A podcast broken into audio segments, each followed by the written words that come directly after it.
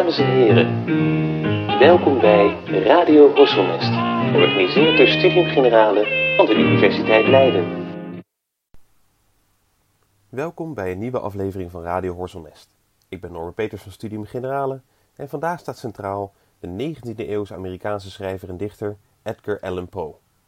Hiervoor hebben we Evert Jan van Leeuwen gevraagd om nogmaals bij ons aan te schuiven. Evert is universitair docent Engelse taal en cultuur bij het Lucas hier aan de Universiteit Leiden. Als literatuurwetenschapper is hij gespecialiseerd in de Gothic Story, maar ook in horror en science fiction verhalen in zowel woord als beeld. Daarbij doet hij onderzoek naar de ontwikkeling van deze genres van de 18e eeuw tot nu. Voor deze aflevering heeft Evert enkele verhalen en gedichten uit het oeuvre van Poe aangedragen om te bespreken. Te weten The Fall of the House Usher, Facts in the Case of M. Valdemar, The Imp of the Perverse, Manuscript Found in a Bottle, A Descent into the Maelstrom en de gedichten Dreamland en The Valley of Unrest.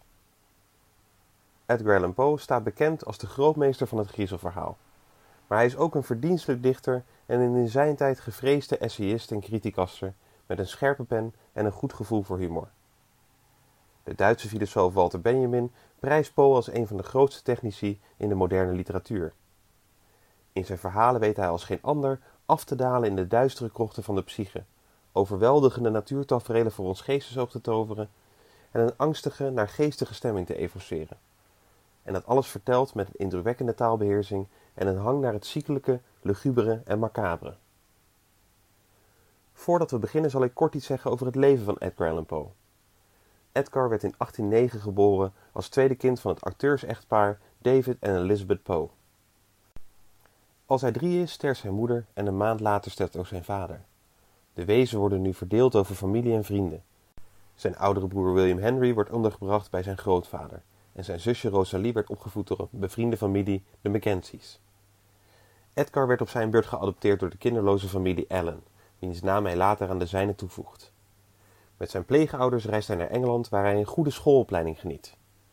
Maar na terugkeer in Amerika kan Edgar lastig wortelen. Hij is kort ingeschreven aan de Universiteit van Charlottesville, werkte als kantoorklerk en sluit zich na het overlijden van zijn pleegmoeder aan bij de militaire academie, waar hij tot sergeant-majoor schopt. Maar ook daar geeft hij na twee jaar de brui aan. Hij breekt met zijn pleegvader en trekt in bij de tante van zijn vader, de weduwe Maria Clem. Poe trouwt met haar dochter en zijn nichtje, de piepjonge Virginia, die aan tuberculose lijdt en na tien jaar komt te overlijden. In zijn professionele leven stort hij zich op het schrijven en dichten. Hij verricht redactiewerk voor verschillende tijdschriften, zoals de Southern Literary Messenger en Graham's Magazine, die onder zijn hoede en dankzij zijn bijdrages zeer succesvol worden. Ook koestert hij de wens zijn eigen tijdschrift op te richten, de Stylus, maar die wens wordt nooit vervuld. Op 40-jarige leeftijd komt hij ongelukkig aan zijn einde. Over zijn dood, evenals over zijn leven, doen veel geruchten de ronde. Die zal ik hier niet opdissen, maar wat we wel weten is dat hij op 3 oktober 1849 wordt gevonden in een steeg in Baltimore, toegetakeld en op sterven na dood. Enkele dagen later komt hij in het ziekenhuis te overlijden. Al tijdens zijn korte leven geniet hij zowel nationaal als internationaal een zekere bekendheid. In Frankrijk kan hij Charles Baudelaire en later ook Paul Valéry en Jules Verne tot zijn bewonderaars rekenen. En in Engeland had hij als geestelijk vader van het detectiveverhaal vooral invloed op het werk van Arthur Conan Doyle, de schrijver van de Sherlock Holmes verhalen. En in Nederland vond Poes werk bewonderaars in Bordewijk, Slauerhof en Vestdijk. Ook tegenwoordig geldt Poe als een van de grote in het pantheon van de Amerikaanse literatuur en dichtkunst. Tot zover Poes leven en nalatenschap. Nu wil ik eerst Evert welkom heten.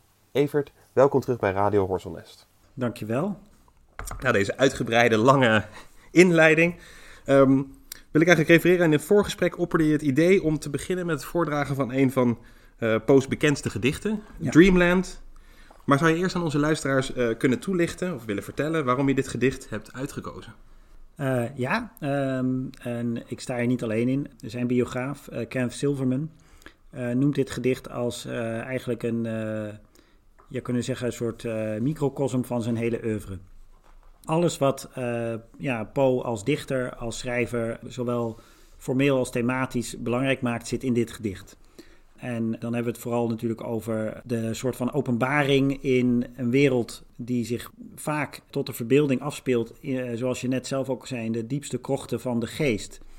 Poe's wereld is in die zin uh, niet de, de wereld om ons heen, uh, maar de wereld eigenlijk in het binnenste van ons, in het binnenste, waar, waar Poe in zijn tijd zou dan noemen, hè, in het binnenste van je ziel. En Dreamland is wat dat betreft de meest emblematische soort van expressie van de ervaring van het eigenlijk um, ja, de reis maken naar, die, naar dat absolute dieptepunt in de ziel.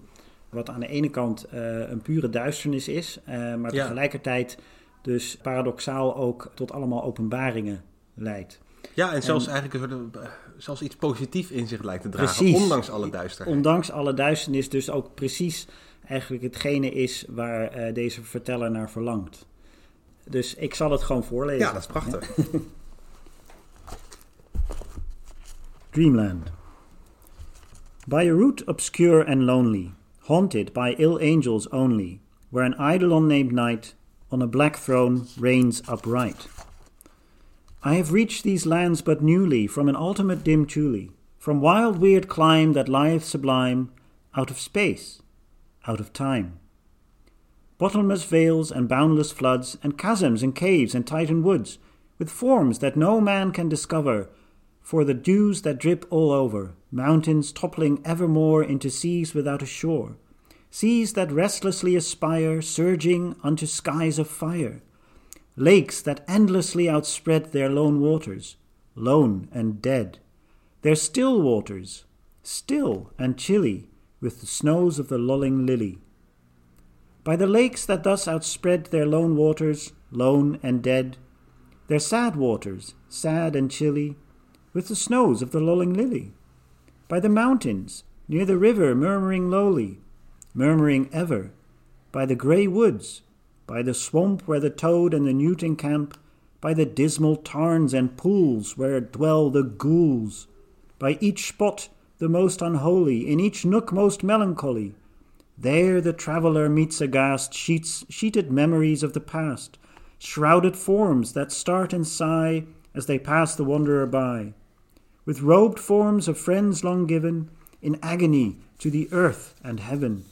For the heart whose woes are legion, 'tis a peaceful, soothing region. For the spirit that walks in shadow, oh, it is an Eldorado. But the traveller travelling through it may not dare not openly view it. Never its mysteries are exposed, to the weak human eye unclosed. So wills its king, who hath forbid the uplifting of the frigid lid, and thus the sad soul that here passes beholds it but through darkened glasses. By a route obscure and lonely, haunted by ill angels only, where an eidolon named Night on a black throne reigns upright, I have wandered home but newly from this ultimate dim Thule. Ja, erg mooi. En beschrijft dus inderdaad meteen... Ja, het is eigenlijk een beetje een vreemd gedicht, omdat de, de, de, de titel van het gedicht... Ja. Dat, deed mij meteen denken, oh, we krijgen nu een droomland. Hè? Dat, is een, uh, dat is voor de meeste mensen eigenlijk juist iets uh, positiefs, iets moois. Iets wat vol zit met uh, prachtige, mooie figuren uit het voorstellingsvermogen. Maar je krijgt eigenlijk meteen een, een vrij duistere route. Ja die, die die beschrijft. Waarin hij een obscure of een duistere route neemt, helemaal alleen. Maar het lijkt wel alsof hij hier inderdaad gewoon refereert aan de slaap. He, dus je, je sluit je ogen en je begint te dromen. En wat er dan gebeurt. Ja, ja, en ik denk niet eens zozeer de slaap, maar vooral het naar binnen keren van uh, het oog naar de ziel toe. Dus het dromenland is het land wat je, uh, hè, waar je terechtkomt op het moment dat je eigenlijk je ogen letterlijk naar binnen draait. Dus niet meer naar buiten toe kijkt, de wereld in, maar naar binnen toe kijkt, de ziel in. Um, en uh, waar Poe veel over schrijft, ook veel in zijn, in zijn brieven naar anderen, um, in zijn verhalen en ook in zijn gedichten, is dat op het moment dat de mens uh, met open ogen naar binnen kijkt, ja. dan komt hij dus die duisternis tegen. Poe heeft uh, iets wat hij, wat hij meerdere malen herhaalt, ook in zijn, in zijn brieven waar die zegt: De mens is niet slimmer dan duizend jaar of zesduizend jaar geleden, alleen beziger, drukker. Drukker gewoon, ja, ja, ja, precies. Man is more busy. Hij was in die zin een aardspessimist als het ging over de 19e eeuwse ideeën over vooruitgang, over enlightenment, over progress. Daar had hij echt weinig geloof in. En hij was in die zin een geestverwant van Hawthorne, dat hij op een of andere manier zich hyperbewust was van eigenlijk de paradoxen in het menselijk leven, de onbewuste, duistere drijfveren, het irrationele. Uh, hè, wat, wat bij Hawthorne dan meer wordt gezien als de, de, hè, de original sin en de zondes. Ja, Ziet Poe meer aan het gelovigen worden verbonden. Ja, precies. Bij, bij, bij uh, Hawthorne kijkt dan meer terug naar, naar het Puriteinse verleden van Amerika. Daar kijkt Poe eigenlijk vooruit naar de moderne psychologie. En ziet hij dus irrationele drijfveren die eigenlijk van veel groter belang zijn als we willen uitleggen waarom de mens doet wat hij doet.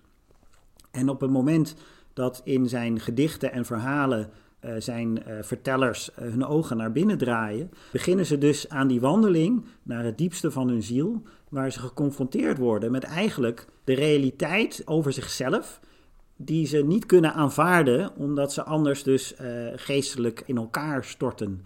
En zo is de, The Fall of the House of Usher, is al onbekend, is een allegorie waarin natuurlijk het huis um, is het hoofd van Roderick Usher.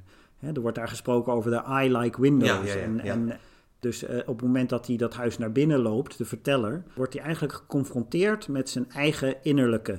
En dus er zijn uh, meerdere post-scholars die ook beweren dat dus de verteller is Roderick Usher. Het is niet dat er een, een losse verteller is die op zoek gaat naar ja, een soort objectieve Hij treedt vriend. zelf de krochten van zijn eigen Ja, psyche ja, binnen, als het ware. Ja, de- hij heeft dus een brief gekregen van zijn vriend, maar die vriend is dus de, de onbekende. Hè, de, de, en hij wordt dus geconfronteerd met, ja, eigenlijk met zijn eigen onderbewustzijn.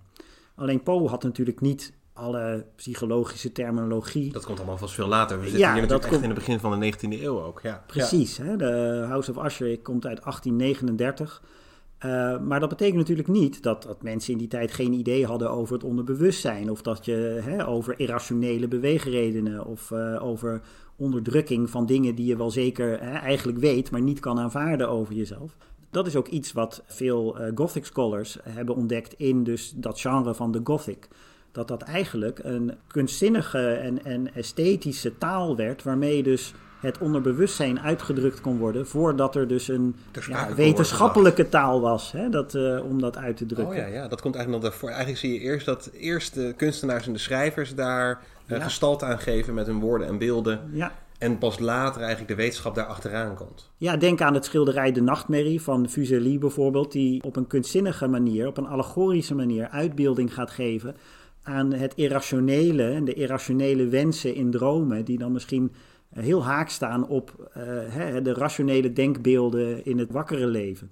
En Ja. Poe is, is in die zin een romanticus hè, uit dat hout gesneden, die geïnteresseerd raakt in eigenlijk de rol van intuïtie, van verbeelding, als eigenlijk eh, de achterliggende drijfveer van de keuzes die mensen maken en niet de ratio. Hè. Hij wordt veel geïnteresseerder in de eigenlijk eh, moeilijk te duiden en, en, en moeilijk uit te leggen achtergronden van iemands handelen en denken en doen.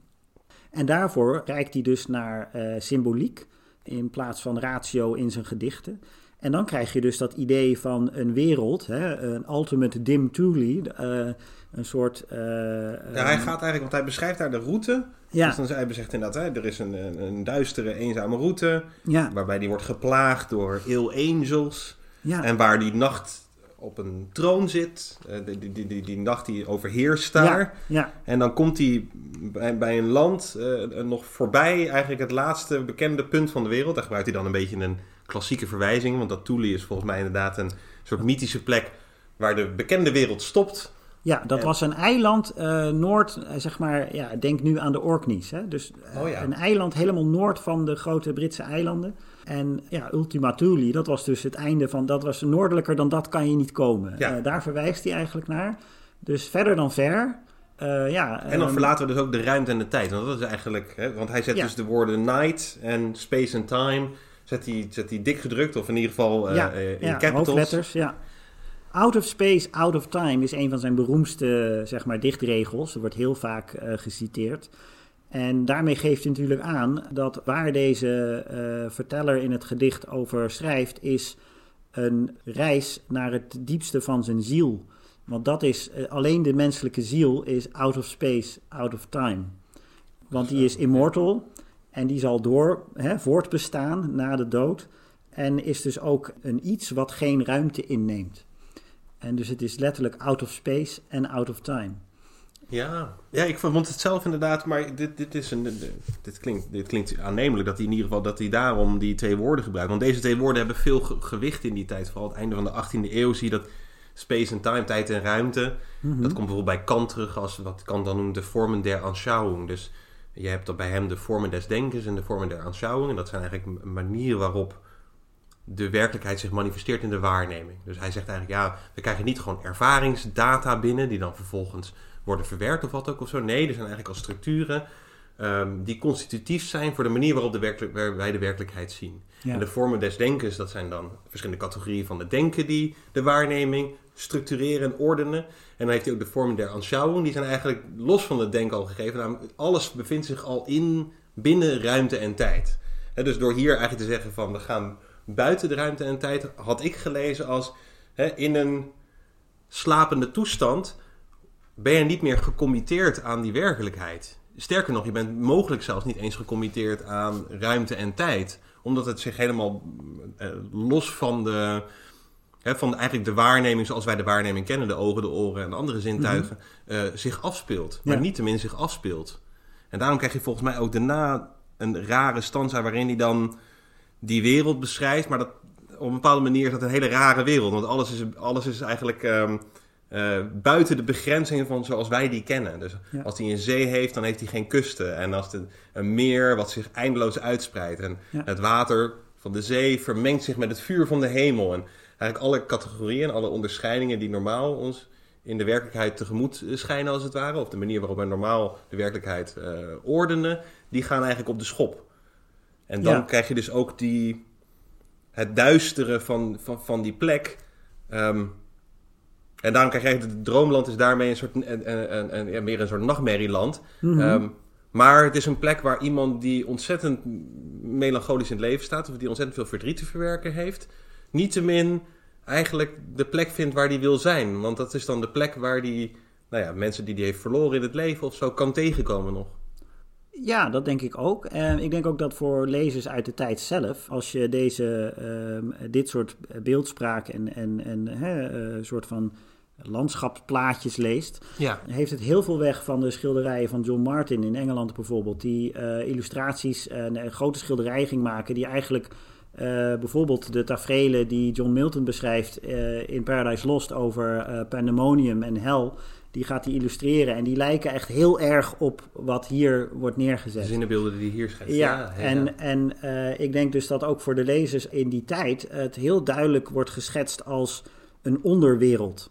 Dit is letterlijk een, een, een, uh, een, een tocht niet alleen maar naar dromenland in de zin van ik zit met mijn hoofd in de wolken en nee, precies. Uh, uh, zeg maar de grenzen van tijd en ruimte binnen het, het wakkere bestaan zijn hier verdwenen. Maar het is ook heel erg bedoeld als een tocht naar een duistere onderwereld, waarin dus eigenlijk alles op zijn kop komt te staan. Dus dan is dus ook, ook opeens dus uh, melancholia, de dood, is iets wat omhelst wordt. Iets wat uiteindelijk positief wordt. En Poe heeft daar in essays hele, hè, veel tijd aan gewijd. Het idee dat vanuit zijn oogpunt als dichter um, het meest ideale dichtonderwerp is de dood, uh, of de, het, het, schrijven over de dood van een geliefde vrouw. En wat hij natuurlijk zelf heeft meegemaakt. Wat hij zelf heeft meegemaakt, maar daar schreef hij al over voordat zijn eigen oh, oh, vrouw ja, was ja, overleden. Dus in die zin is, kan je dat niet eh, zeg maar, makkelijk, zo heel makkelijk aan elkaar koppelen. Want, want hij schreef die verhalen en die gedichten al lang voordat zijn vrouw zo ziek was en, en overleed. Maar dat deed hij op een soort, ja, meer bijna op een, uh, vanuit een esthetische theorie, dat het bepaalde uh, gevoelens opwekt. Uh, ik zal even zijn essays erbij pakken. Hij heeft een, een aantal belangrijke uh, zeg maar esthetische essays geschreven. Eentje heet The Philosophy of Composition. Uh, de andere heet, uh, kennen we als Letter to Be. En die andere heet The Rationale of Verse. En dan schrijft hij hier bijvoorbeeld over dichtkunst. En dit is in de Philosophy of Composition? Dit, is, dit komt uit de Letter to Be. Okay. En dan heeft hij het over de essentie van dichtkunst. A poem, in my opinion, is opposed to a work of science by having for its immediate object pleasure, not truth. To romance by having for its object an indefinite instead of a definite pleasure. Being a poem only so far as this object is attained. Romance, presenting perceptible images with definite, poetry with indefinite sensations, to which end music is an essential. Since the comprehension of sweet sound is our most indefinite conception, music, when combined with a pleasurable idea, is poetry. Dus hoe minder specifiek het beeld en hoe me- meer melodieus het beeld, Ja, echt muzikaal. Ja. hoe, hoe meer een tekst de essentie van poëzie bereikt. Eh, dus als iemand heel specifiek schrijft, en met beweegredenen, met uitleg, eh, hoe minder poëtisch het wordt. En zo heeft hij dus een soort spectrum van ja, esthetiek. Ja. Waarin eh, wat voor hem de, de absolute ideale eh, dichtkunst of schrijfkunst is, is dus zo, eh, de meest indirect en het meest melodieus. En dus zodra jij duidelijke beelden gaat zien, zodra het dus neigt naar rationeel proza, hoe minder zo'n tekst zich kan kwalificeren als een kunstwerk. En dus ook hoe minder plezier het eigenlijk opwekt. En, En dan dus- plezier in, het, Ja. in de brede zin begrepen, ne- neem ik Ja. aan. Want ik kan me ook voorstellen dat dit juist ook een, eh, een... eh, Bijvoorbeeld, dit is een vrij verdrietig gedicht op een bepaalde manier ook. Ja, en dat komt dus omdat Poe verdriet ziet als de meest sublieme emotie.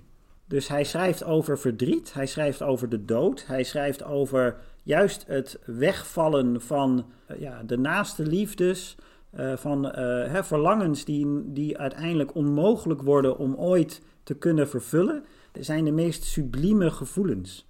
Want die zijn het sterkst. En, en dat, daar schrijft hij dus ook over hier in The Philosophy of Composition. Hij zegt hier: eh, Beauty, which I maintain is the excitement or pleasurable elevation of the soul.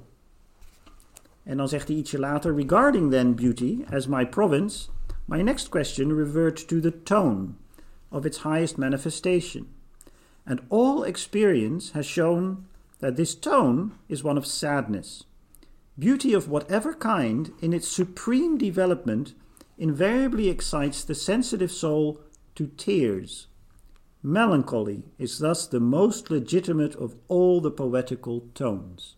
Dus gek genoeg heeft hij eigenlijk hele soort van eh, bijna mechanische verklaringen Ja, waarom hij schrijft wat hij schrijft Ja, omdat hij dus als, als kunstenaar bezig is met dit idee: wat is het perfecte geluid om de emotie op te roepen van melancholy?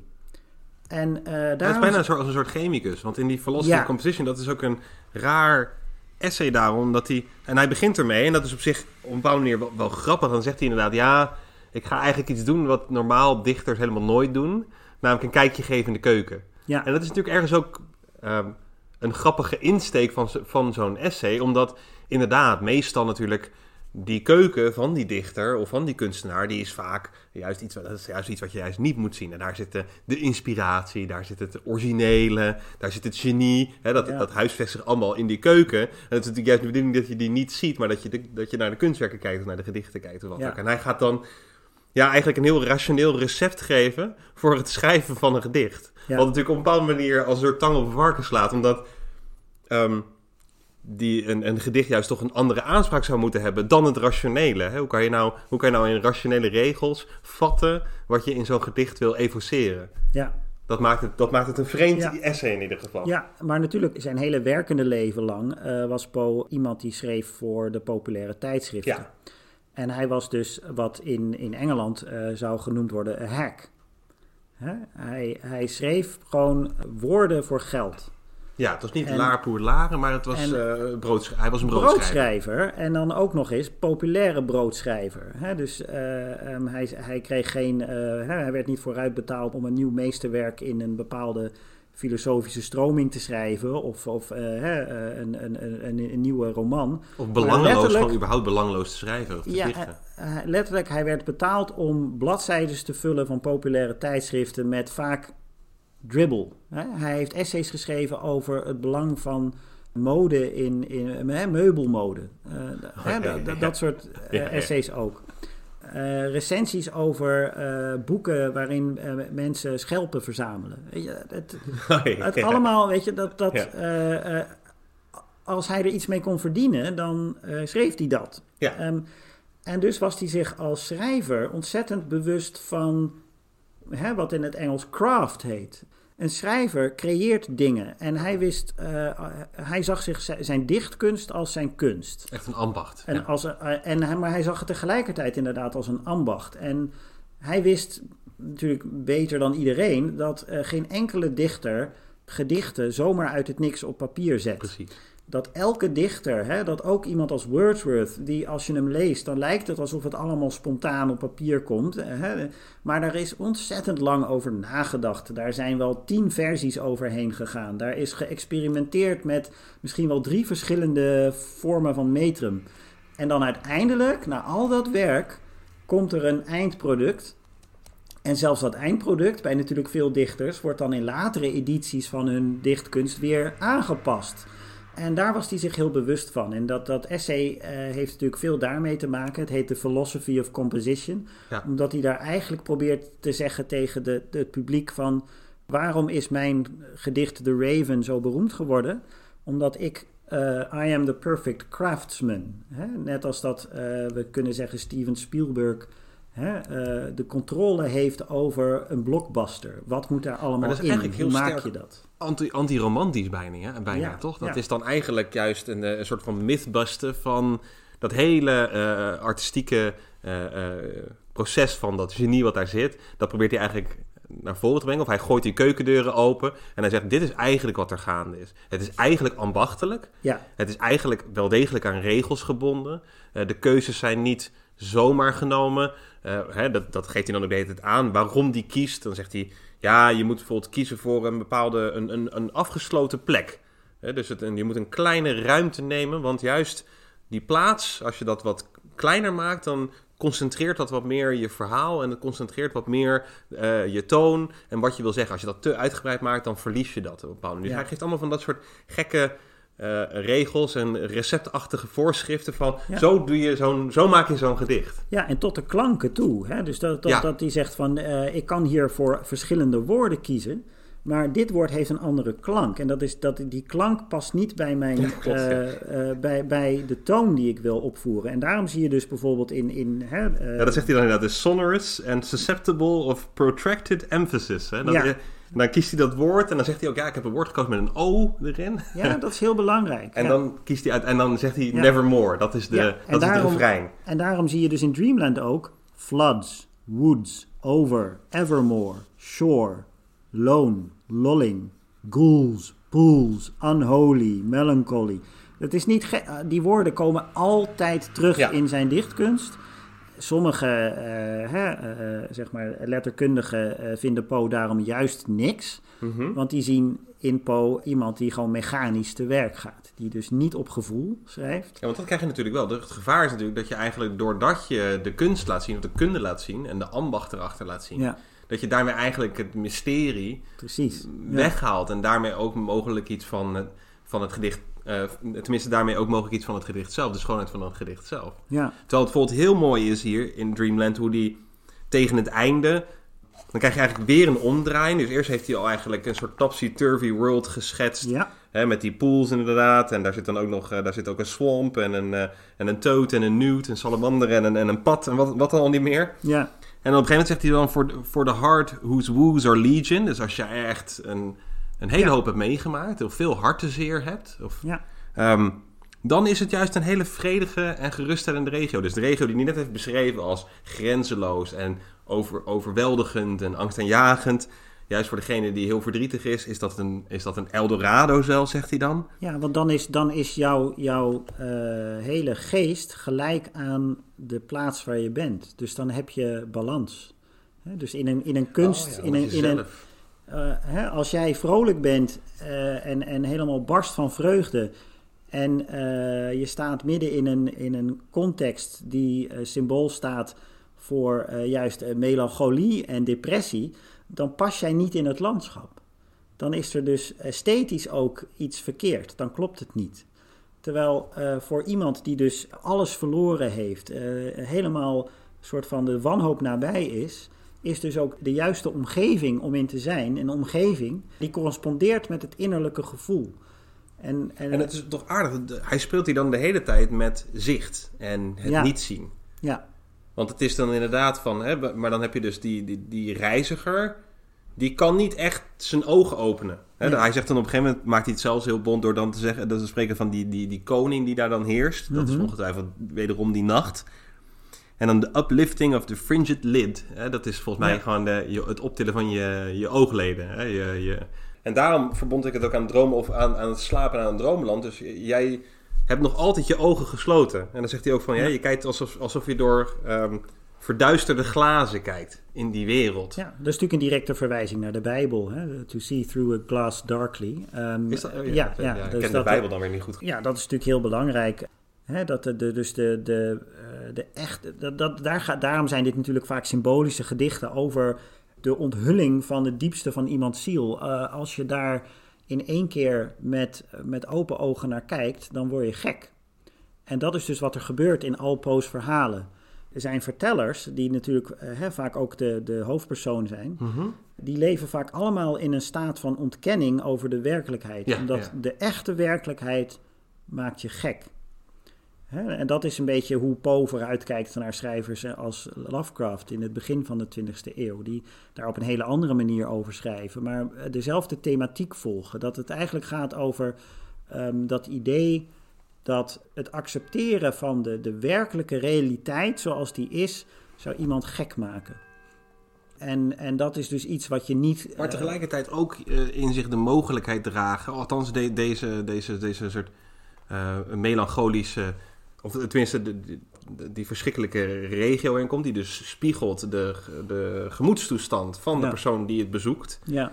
Vindt niettemin daar dat Eldorado, hoewel die zijn, zijn ogen er niet echt voor kan openen, ontmoet hij daar diegene die die is verloren. Eigenlijk het verlies wat hij heeft geleden, wat heeft geleid tot die gemoedstemming, ontmoet hij in. Uh, en, en daarom las ik het wel als droomland, omdat je dus daarmee.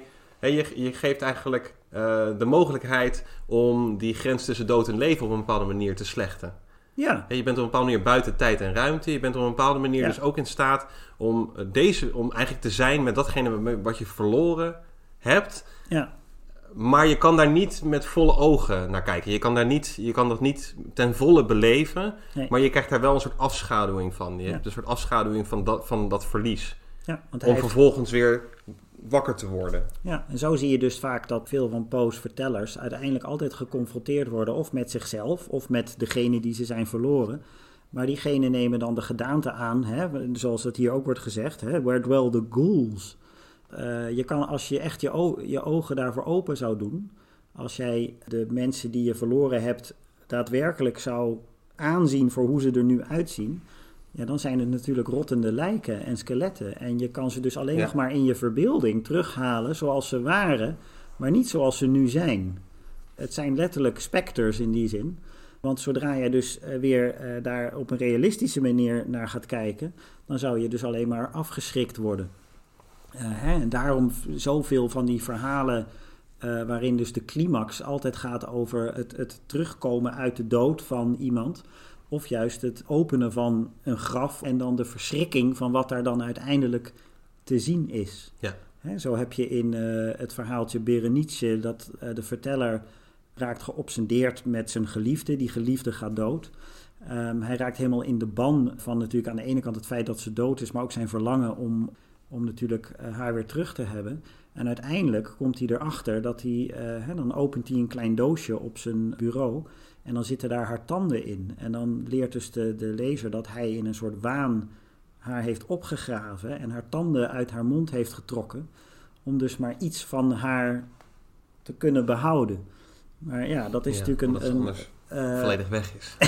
ja, ja, ja, ja, ja, Maar dat is natuurlijk. Maar, ja, maar hij heeft dus. Het, uh, uiteindelijk is hij dus helemaal tot waanzin gedreven door dat verlies. En heeft hij uiteindelijk natuurlijk het lijk opgegraven en verminkt. Om, om zelf nog maar te kunnen voldoen aan dat verlangen dat ze er is. En dat leidt dus, uh, die drang om dus, de, de, de, dus het verlorene terug te halen, leidt tot gruweldaden bij Poe. Dat, als je het dus echt, hè, iemand wil terughalen, dan dat gaat altijd fout. Ja. ja en daarom is het dus zo belangrijk hè, dat je dat dus uiteindelijk eigenlijk alleen nog maar in een, in een, in zijn, je ziet in zijn dichtkunst vaak de geïdealiseerde versie, waar dus mensen alleen nog maar in hun, ja, in hun droomleven of in hun herinneringen dat nog kunnen terughalen. Want op het moment dat je dat probeert te doen, en dat zie je vaak in zijn, in zijn korte verhalen, gaat het natuurlijk helemaal fout. Ja. Ja. ja, want ik vind dat ook mooi. Je hebt het Valley of Unrest die je had Mhm. gestuurd. Daar is het niet zozeer het terughalen van de dood, maar daar gaat het meer om dat je een, als daar een omslag krijgt in hoe een landschap er, erbij kan liggen. Ja, En hoe, wederom hier de dood, een soort stempel kan drukken op jouw eh, verhouding tot een landschap. ja, Ja, want in dat gedicht dan schetst hij, The Valley of Unrest, dan schetst hij hoe de, de, de vallei er eerst eh, bij lag. ja, Dus het begint ook met once, once it smiled a silent dell, where the people did not dwell. They had gone on to wars, trusting the mildly-eyed stars, nightly from their azure towers to keep watch above the flowers, in the midst of which all day the red sunlight lazily lay. En dan krijg je daarna een soort césuur, Mhm. waarin hij dan zegt: Now each visitor shall confess the sad valley's restlessness. En dan krijg je eigenlijk een. een, een dan zie je hoe die, hoe die vallei ergens veranderd is qua, qua hoe die jou tegemoet treedt. ja. En hij evoceert hier natuurlijk, omdat hij dat zinnetje ertussen plaatst: They had gone on to the wars. Dat datgene wat de vallei anders doet eh, verschijnen, te maken heeft ook met die dood. Mhm. Want in de tweede stilstaat noemt hij dan op een gegeven moment... and weep above a nameless grave. Dus het lijkt alsof iemand, de dood van iemand daar in die vallei... bijvoorbeeld in een oorlog of wat ook... eh, de manier waarop je die vallei eigenlijk tegemoet treedt... compleet verandert. En daarmee dus eigenlijk ook alles wat in die vallei ligt... ja. eh, in een ander licht plaatst. Ja. Ja, oorspronkelijk heette dit gedi- gedicht The Valley of Nis. En dan eh, heeft eh dus één commentator ook gezegd, hè, dat is dus de, de, het, de ommedraai is natuurlijk de ommedraai van Nis en Sin. Dat dit, dus, dit, gaat over dus um, uiteindelijk hoe het landschap dus uiteindelijk ook eh, een bepaalde, hè, de, de impact van zonde op het landschap. Dus dat letterlijk het landschap uiteindelijk ja, hier verduistert. Eh, Het is now, hè, now the unhappy shall confess nothing there is motionless. Ehm, het is echt een, ehm, de- dat is in, de- in, het, in, het, eh, in de versie van Ja. Valley of Nis. Ehm, Ja, nou, dat is dat precies ook. Er staat hier... The sad valley's restlessness. ja, Nothing there is motionless. Nothing says the air that brood... over the magic solitude. ja, Ah, by no wind are stirred those trees that palpitate like the chill seas around the misty Hebrides. ja, daar hebben we de noorde- noordelijke eilanden. Ja, ja, weer. de Ja. noordelijke eilanden, precies. Ja. Je zou dit kunnen zien als, als eh, bijvoorbeeld het paradijs nadat Adam en Eva vertrokken zijn. En dat blijft leeg achter. Het paradijs is er voor Adam en Eva om in te, te wonen. En zonder Adam en Eva is het paradijs geen paradijs meer. En dan gaat dus het paradijs hangt zijn hoofd en wordt de, hè, het landschap wordt melancholisch. Het landschap huilt om het vertrek van eh, Adam en Eva. En is dus net zo, in die zin, eh, net zo veranderd door hè, de zonde. En ik denk dat dat eh, de Valley of Unrest is natuurlijk, het, suggereert natuurlijk, het woord unrest suggereert hier eerder een oorlog inderdaad. Hè, met, met Ja. Eh, eh, de mensen zijn is een vertrokken. soort slagveld geweest of Precies. hier. Ja. Ja, dat is het landschap zelf. Inderdaad, de pijn en het trauma van wat er gebeurd is, gewoon ook ondergaat. Hè? Dat het, dat En in zich draagt. En, en op het moment dat je daar Ja. doorheen loopt, dan evoceert het landschap die gedachte, inderdaad. In tegenstelling tot, wat daar, wat, tot daarvoor. Ja, zo'nzelfde... Je noemde net al even de Fall of the House Usher. Mhm. Zo'nzelfde evocatie van een bepaalde stemming zit natuurlijk prachtig in het begin van Fall of the House Usher. Precies, ja. ja. Waar ook je die, die, die, die bezoeker hebt die dan te paard eh, een, een, een, een heel melancholisch duister landschap betreedt. Vlak voor het, eh, het invallen van de avond. Tot hij bij dat huis komt. En ik vind het mooiste daaraan eigenlijk dat die, dat die bezoeker zichzelf heel erg gaat zitten afvragen van... wat is nou datgene wat de stemming bij mij opwekt van het angstaanjagende? Wat maakt Precies. dit huis nou zo angstaanjagend? Ja, En dat hij daar ook probeert een soort oplossing voor te bedenken. Van ja, dat ligt dan mogelijk aan de compositie van de verschillende dingen die hij ziet. Hij ziet een soort, ja, een tar, dat is, of dat tarn, is, ja. een tarn, dat is een soort sloot, toch? Of een, ja, eh, een soort donker, je zou zeggen, een soort, soort ja, donkere vijver. Hè? Ja. Gesloten eh, bij het huis. En dan ziet hij, die, die, en dan ziet hij wat rietkragen, hij ziet wat ver- ver- bomen die aan het... ehm, eh, die, die, die, die, eh, hoe zeg je dat? Ehm, Ja, Die de doodbomen zijn allemaal dood. Ja. ja, ja, je ziet dus en dan ziet hij dat huis. Ja. En dan vraagt hij zich af van, wat is, is dat nou de samenstelling van die dingen die op mij die enorme melanch- melancholische indruk maakt, of die enorme stemming wekt van het angstaanjagende? Ehm en eigenlijk geeft hij daar op een bepaalde manier geen antwoord op, wat, wat dat nou is, die, wat, het, die, wat die stemming wekt. Nee, maar wat je wel ziet bijvoorbeeld is dat de opening van eh, House of Usher.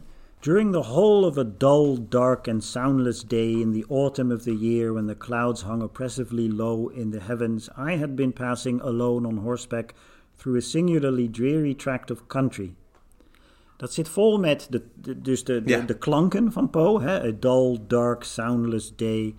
Maar tegelijkertijd is dit natuurlijk een parafrase van By a route obscure and lonely, haunted by ill angels only, where an eidolon named Night on a black throne reigns upright. Poe heeft eigenlijk één thema. En dat is continu op een andere manier. In elk verhaal wordt dat eh, eigenlijk eh, uitgebeeld. En het thema is altijd een verteller op een reis die op een gegeven moment op een of andere manier verwikkeld raakt in dus die, die eh, tocht naar een soort donker, duister krocht. Of dat nu de, de, dus de, de, hè, de, de, Dit- het huis is in het huis van de uh, Fall of House of Usher is. En dan natuurlijk uiteindelijk nog de catacombes waar Madeline wordt begraven. En Ja. dan eh, natuurlijk het symbolische schilderij van Roderick, waar die een, een ruimte, een ondergrondse ruimte schildert. Met geen enkele in- of uitgang, maar waar wel licht schijnt. Dat is eh, ook Ja, weer eh, ja. een, een, een soort paradoxale uitbeelding. Dat zit ook inderdaad in die City in the Sea, dat, Dat, hij dan dus zegt... daar- precies ja, in, ja, in. City in the Sea ook. Het zit Daar is geen licht vanuit de hemel die de boel verlicht, maar het is het, het lichtende water Ja, wat, eh, nou ja, wat jou de mogelijkheid geeft om die, die City in the Sea te, te bekijken. Eh, Ja. ja, ja, ja. En dat gebeurt ook in, in House of Usher. Nou, nou zijn bijna alle, zeg maar, hè, Poe-scholars het er wel over eens dat House of Usher ehm, en het gedicht eigenlijk, het gedicht in het eh, verhaal is eigenlijk de sleutel daarvoor. Ja, want misschien is het goed om even de, de, de synopsis te geven. Want Ja. inderdaad, je hebt dat Haunted Palace eh, als, als, als gedicht ja, middenin. precies. Ehm, en, eh, wat Maar het begint inderdaad met een soort... Je hebt een bezoeker die bezoekt een huis, Ja, omdat hij opgeroepen is door, door ja Roderick die Usher. heeft een brief gekregen. Jeugdvriend. En die, nou ja, die arriveert dan dus op deze dull, dark and soundless day. En die merkt dus dat de hele omgeving om het huis heel duister is. Eh, niks leeft meer. Het huis zelf ziet eruit als een gezicht met eh, hè, hij, hij, eh, Oogachtige ramen. oogachtige ramen. En, en, maar ook dus met een, met een belangrijk een barst over de hele muur heen. Ja, dat is een heel raar fragment, want dan zegt de bezoeker... Een nauwlettende observeerder had een barst kunnen zien. Hè, maar dat Precies. is zo gek om te zeggen, omdat ziet hij hem dan niet. Hè? De, de bezoeker ziet Ja. het blijkbaar dan zelf niet die, niet die barst. Of het is een soort after effect. Ja, Weet hij dat er een barst heeft gezeten. En die gekke tegenstrijdigheid van... Het ziet er eigenlijk niet afgebrokkeld uit. Het is niet heel erg verweerd. precies. Maar het staat wel op instorten. Ja, en eh, dat zijn eigenlijk allemaal, allemaal een soort van clues die je krijgt als lezer. Dat je moet gaan begrijpen dat wat er gebeurt en wie hij ontmoet. En dus de- het hele plot is eigenlijk een onthulling van hoe uiteindelijk de verteller eh, een soort eh, ja, psychodrama aan het hè, uitbeelden is Ja. over hoe die eigenlijk ja, iets te weten kwam komen eh, wat, wat zich afspeelde in het binnenste van zijn ziel. En dat zie je dus bij, bij het gedicht, hè, de, de Haunted Palace. In het, in het, dat, hè, dat komt ongeveer in het midden. Dit is dan het gedicht wat Roderick zelf natuurlijk heeft gecomponeerd. En waar dan de verteller van zegt, nou, ik begreep er echt helemaal niks van. Ja. Waar ging dat nou over? En op dat moment ontstaat er dus een soort van een, een, een, eh, dramatic irony dat de lezer wel begrijpt wat er gebeurt. Want die kan de, de, het gedicht zien als de sleutel voor, voor het verhaal. Terwijl de verteller zelf dus eh, niet wil accepteren wat er aan de hand is. En het gedicht heeft uh, nou in totaal uh, zes strofes. We worden uh, hier gepresenteerd met The greenest of our valleys, by good angels tenanted. Once a fair and stately palace, radiant palace, reared its head. En dan denk je, oeh, oké, okay, hoofd. Hè? Inner monarch, thought's dominion. Dus de, de, de, de koning is de geest, de, de denkende geest. Mm -hmm. It stood there, never seraph spread opinion or fabric half so fair. En dan zie je dus banners, yellow, golden, hè, glorious golden. On its roof did float and flow, dat is het haar. Hè, dat is dus de, het, blonde haar. En dan, hoe verder je leest, merk je dat wat hier beschreven wordt, is iemands hoofd. En in dat hoofd was ooit alles op orde. En als Roderick dan dus uh, schrijft: uh, Spirits moving musically to a lute's well-tuned law, verwijst hij naar dat het, het hoofd dus in harmony is met, met zichzelf. Ja. En goed Terwijl kan begin, het hele verhaal begint hij met een wat raar Frans uh, gedichtje. Ja. Wat tenminste in ieder geval door Simon Vestijk is vertaald als zijn hart is als een zwevende luid. Zodra men het aanroert, weer klinkt er geluid.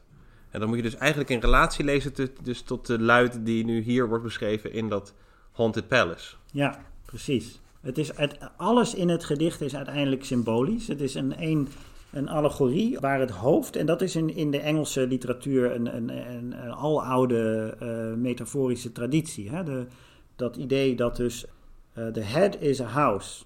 Uh, en, en, en, en dat gaat terug tot de 17e eeuw, waar ooit een, schrijver schreef: The head is a house for reason to dwell in. En dat, die, die metafoor wordt vooral in de Gothic, zowel in de 18e als 19e eeuw, continu eigenlijk gebruikt als, als we het hebben over ghost stories. Mm -hmm. Haunted mansions zijn altijd haunted heads. En die heads zijn altijd haunted. En de ene keer, zoals je dat bijvoorbeeld bij, bij Hawthorne's House of the Seven Gables ziet, is het schuldgevoelens of criminele daden. En, bij, wat is het hier bij, bij House of Usher? Bij House of Usher uh, zie je dat natuurlijk aan de ene kant de hoofdpersonage Roderick Usher... die erkent dat zijn, zijn familielijn hè, ligt in een, in een lange lijn, uh, gaat helemaal... Het is een aristocratische familie. Ja, want dat is inderdaad misschien wel goed om te zeggen dat ja. hè, The Fall of the House Usher... er zit eigenlijk al een soort van pun in die titel. Ja. Namelijk de, de dubbele lezing van het woord huis. Hè. Je kan het hebben over een, uh, ja. een, familie, een stamboom en dat een huis noemen, zoals wij ja. spreken van koningshuis. Precies. En je kan spreken van een huis als in daadwerkelijk dat object waar je, waar je, waar je in woont. En hij zegt dan al vrij vroeg, die stamboom van de Ushers, dat is eigenlijk gewoon een rechte pilaar. Er is geen enkele zijtak die blad draagt, die loof draagt, die, die, die vruchtbaar is. Het is gewoon een, een, een, een, een rechte pilaar, blijkbaar, tot de tweeling, Madeline en, en Roderick, die ook dus geen nakomelingen krijgen. En daarmee is het dus ook inderdaad het gedaan met het huis. Precies, ja. Alleen uh, Roderick die verwijst op een gegeven moment uh, naar het verleden van zijn familie. Dat dus uh, wat nu de catacombes zijn en wat nu dus de, de, waar de, de, de, de graven en de, hè, de kisten van zijn familie liggen. hij zegt dat werd ooit gebruikt als een dungeon keep, maar ook voor een opslagplaats voor dynamiet of gunpowder. Oh ja, ja. En Roderick dus, die, die zegt dus op een gegeven moment ook dat wat hij voorziet is dat hij in dit huis zal moeten sterven. En je ziet dus dat hij uiteindelijk zijn, zijn zus Madeline probeert te begraven. En daar te snel mee is. Die schijnt dan nog in de context van het verhaal toch nog levend te zijn. Mm -hmm. Die komt dan terug en aan het eind neemt zij revanche. En vallen ze eigenlijk samen dood neer. En dan stort het hele huis in. Waar het om draait is dat, dat Roderick Usher duidelijk doorheeft dat op het moment dat hij sterft, dat hij de hel in moet gaan.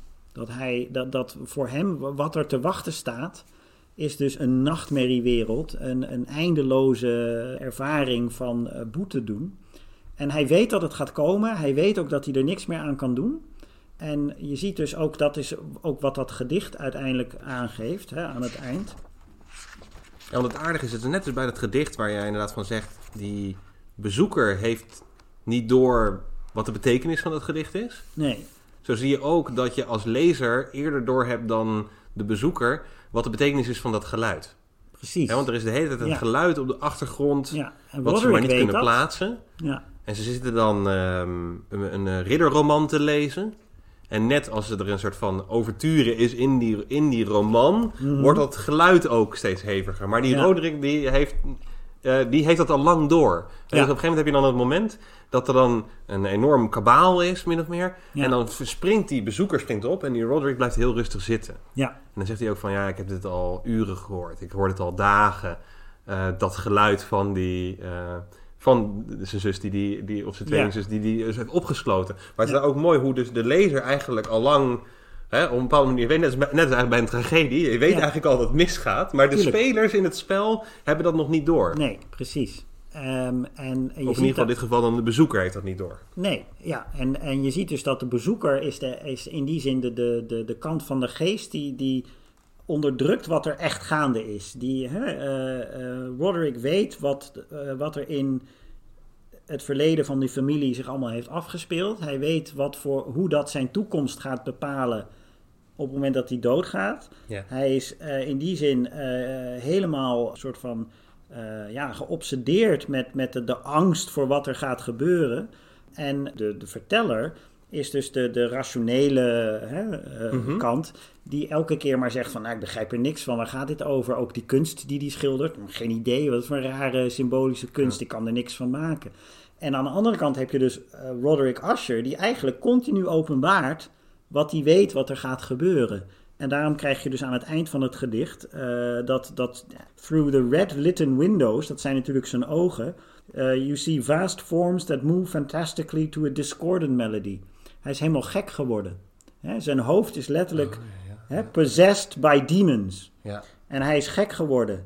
While like a rapid, ghastly river through the pale door, dat is zijn mond, a hideous throng rush out forever and laugh, but smile no more. Dus dat is de... de, de, de Die het- maniacale lach. Het maniacale lach en het gillen van Roderick, die dus helemaal gek is geworden van wat, hij, wat zijn geweten eigenlijk hè, weet, Mhm. maar wat hij zelf niet kan ervaren. Dat is wat hem langzaam helemaal gek maakt. Is dat hij probeert te onderdrukken wat hij eigenlijk weet. Maar wat hij eigenlijk weet, dat is natuurlijk Madeline, die fungeert dan eigenlijk als zijn geweten. Die, dat, hij kan haar niet begraven houden. Die zal uiteindelijk De Hè? kop opsteken. De En kop de- opsteken en, en- de, de eh, kop. En uiteindelijk natuurlijk eh, zor- eh, hem zorgen dat hij dus aan zijn eind komt, inderdaad. En wat is dan de, de, de rol, want dat is eigenlijk ook wel vreemd in het verhaal, dat hij, dat zegt hij eigenlijk al vrij aan het begin, de bezoeker, dat dat hele huis is omgeven met een soort schimmeldraden. Een soort mycelium wat dat huis omgeeft en wat ook die dode bomen die daar liggen, die worden Ja. ook langzaam verteerd door, door schimmels. En heeft het op een gegeven moment over een soort van vegetable intelligence. Of Ja, in ieder en zelfs destijds werden paddenstoelen nog gerekend tot, tot, het, tot het plantenrijk. Maar ik vond dat, dat, is, dat is bijzonder. Ja. Hoe moet je dat dan lezen in, in deze in deze Ja, want zelfs de, ze- zelfs de atmosfeer eh, leeft. Ik denk dat, dat, eh, dat we dat zo moeten zien dat alles van dat huis is uiteindelijk gewoon eh, allegorisch aan de staat van Aschers geest. Hier denk ik, dit is mijn eigen eh, zeg maar uitleg van het eh, gedicht, waar eh, theorieën van Swedenborg belangrijk zijn. Die waren heel populair in, in Amerika in die tijd, zeker in de jaren 30 en 40. Ja, want wie is dat? Swedenborg? Emanuel Swedenborg. ehm, ik ken hem natuurlijk niet persoonlijk. en de, de, de 18e eeuwse ja, mysticus, hè, Ja. die, die uiteindelijk, eh, vooral in, in de Engelse vertaling, eh, zijn boek Heaven and Hell, dat werd een bestseller in Engeland en ook Amerika, waarin hij eigenlijk de visioenen beschrijft van zijn eh, tochten naar de hemel en de hel. En aan de lezer eigenlijk eh, heel specifiek en in veel detail uitlegt hoe die eruit zien. Maar hij heeft ook een hele eh, wonderlijke theorie over eh, dat, dat, dat eigenlijk elk, elk individu zijn eigen hemel en hel eh, tijdens zijn leven schaapt. Dus eh, afhankelijk van hoe jij bent, eh, hoe jij eh, handelt, eh, hoe je denkt, zal jouw hiernamaals er anders uitzien. En de beschrijvingen die hij in zijn boek opvoert, lijken ontzettend op de beschrijvingen die Poe hanteert als hij het heeft over die, die- vooral die tochten naar het diepste van iemands ziel. Um, ik kan wel kort even een klein stukje voorlezen uit, Ja, uh, zeker. uit Swedenborg. Dit komt uit, uit hoofdstuk 48. After death, man is possessed of every sense and of all the memory, thought, and affection that he had in the world, leaving nothing behind except his earthly body. Dus dat is zijn theorie. Dat je eigenlijk dus letterlijk uh, de, de, de overstap van, uh, van het leven naar de dood is, ja, zover het de ervaring van de mens gaat, Ja, van het eigenlijk van verandert je er- stoffelijke overschot. ja, maar er verandert eigenlijk niks in je ervaring. Ja. Eh, je merkt niet eens dat je dood bent. En dan zegt hij: Moreover, a man's spirit enjoys every sense, both outer and inner, that he enjoyed in the world. He sees as before, he hears and speaks as before, smells and tastes, and when touched, he feels the touch as before. He also longs, desires, craves, thinks, reflects, is stirred, loves, wills, as before. And one who takes delight in studies reads and writes, as before. It is like passing from one place into another. Dus eh, eh, eh, ja, doodgaan is letterlijk gewoon alsof je dus van, van, van één land naar een ander land gaat. Van, van één plek naar een andere plek. En Poe maakt hier heel erg veel gebruik van. Hè. Zijn idee ook van het, het, het, het stappen dus van de, de, de wakkere wereld naar die plaats out of space, out of time... is dus ook gewoon het overstappen van leven naar de dood. Alleen volgens Swedenborg verandert er dus eigenlijk niks als het gaat om jouw ervaring van de wereld. ja. Omdat je dus je eigen, eh, na, je, je eigen hiernamaals schaapt. En dan zegt hij dus op een gegeven moment: For no one enters hell until he is in his own evil and the falsities of evil, since no one is permitted there to have a divided mind, that is, to think and speak one thing and to will another. Therefore, man's being led into his will is being led into his nature or disposition. En dat, zo eh, gaat hij uiteindelijk door de- met het idee dat ehm, de dingen die jij fout doet in het leven, ehm, als jij dus eh, eh, verkeerde motieven hebt, als jij eh, dus niet oprecht bent, als jij heel gierig bent, als jij dus, hè, dan creëer jij uiteindelijk op het moment dat jij doodgaat een hiernamaals die er precies zo uitziet. En waar je dus precies met die dingen wordt geconfronteerd die je verkeerd hebt gedaan in je leven. En op dat moment Oh, word je ja, dus... ja. eh, Dus je eigen, ja, ja. Dus je eigen zondes, dat wordt, dat wordt eigenlijk de wereld waarin je leeft. Dus als je Precies. een leugenaar bent of een dief of wat ook of zo, dan, kom je, dan schaap je eigenlijk de hel waar dus dat continu thematisch is. Ja, en, en waar die er dus ook gewoon precies zo uitziet als de wereld waarin je leefde. Alleen dan met dus al die zondes Mhm. uiteindelijk verbeeld. Die, die materialiseren zich eigenlijk dan opeens. Want hij zegt ook, je, je, eh, je proeft, je voelt, je ziet, je, al je zintuigen werken nog precies hetzelfde. Maar het zijn nu spirituele zintuigen geworden en niet fysieke zintuigen geworden. En eh, ja, dit, dit was een idee, het, het, het, eh, het denken over het hiernamaals, wat heel populair was in Amerika. Hè, er was een brede soort Swedenborgian church, waar veel aanhangers van waren. Maar ook veel intellectuelen lazen Swedenborg. En er was ook een professor, een professor in New York aan de universiteit... eh, die weer eh, Swedenborg en Mesmer met elkaar vergeleken... en daar hele traktaten over schreef. En dus het was echt onderdeel van, van eh, je zou kunnen zeggen, de, de, de intellectuele circuit.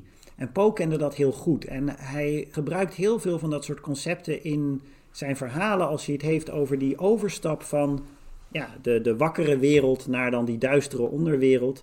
Waarin dus eigenlijk zijn personages de hele tijd worden ge- geconfronteerd dus met ja, de zondes, de, de, de foute dingen, de verkeerde keuzes, hè, de misstappen die ze hebben gemaakt. Die juist op dat moment dus een soort van in, in, letterlijk in levende lijven opeens terugkomen. Ja. En zo is dus ook in de House of Usher is het dus een, een, iemand die dus inderdaad eh, aan het begin van het verhaal zegt... het lijkt wel alsof er een bepaalde hè, eh, eh, veil, as if a veil is being lifted. En, Ja. en hij heeft het idee dat hij letterlijk een threshold overstapt. Hè, dat hij een grens overstapt van één wereld in een andere. Maar hij kan het niet duiden, want het, het lijkt toch zo erg op de normale wereld. Maar toch is het weer niet die normale wereld. En alles lijkt wel met elkaar verbonden te zijn. Hè? De, het huis is, is solide, maar tegelijkertijd niet solide. Nee, nee, nee. precies. Eh, het staat eigenlijk op instorten. maar Het staat op instorten. solide. Ja. Ja. maar het oogt solide. En dat heeft dus te maken met dat hij dus die, die wereld van de spirit instapt. De, hè, Oh, wat ja, wat ja, Swedenborg ja. de spirit world noemt. Dat hij waarschijnlijk is overleden. En dat hij nu dus die, die nieuwe wereld instapt... waar hij geconfronteerd gaat worden Met die... eh, met zijn zondes. verschrikkingen en, en die zondes. en Ja. hij heeft dus een, een... Omdat hij ontmoet dus ook... Dat is iets waar Swedenborg ook over schrijft...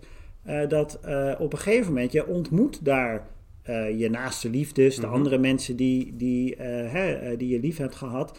Maar uiteindelijk wordt jouw geest letterlijk als een soort ui... worden de lagen weggehaald... Totdat dus de essentie van jouw ziel overblijft. En dus al die dingen die verborgen zijn geweest tijdens je leven, geopenbaard worden. En, en op dat moment word je dus ook uiteindelijk, krijg je dus de judgment. Mhm. Waar ga je heen? En ja, als dus die, die, dat- dat binnenste dus een soort eh, hè, eh, eh, donkere, zwarte krocht is die vol zit met zondes, ja, dan ga je dus naar de hel die je zelf hebt geschapen. En dat is En dat is eigenlijk... een hel, net als in City in the Sea, die nog eigenlijk, waar, waar, waar de echte hel, zo jaloers of nee, niet jaloers of is, maar nog...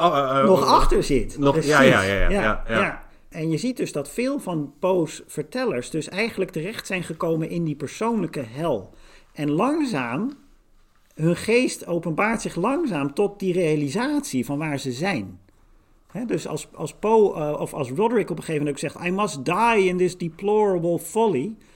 Is dat een moment waar hij zegt: van eh, ik weet het eigenlijk. eh, Hè? In het binnenste van mijn ziel weet ik precies waar ik terecht ga komen. Ja, Maar dat maakt hem juist zo angstig. Dat maakt hem juist, dat is waarom hij gek wordt. Omdat hij, hij weet het al. Ja. hij kan er niks aan doen. Maar het is Het is een soort onafwendbaar lot. Wat, een wat je- onafwendbaar lot wat hij probeert af te wenden. Maar waar hij tegelijkertijd al van weet van... Dit zal gebeuren, het gaat gebeuren, ik wil niet dat het gebeurt.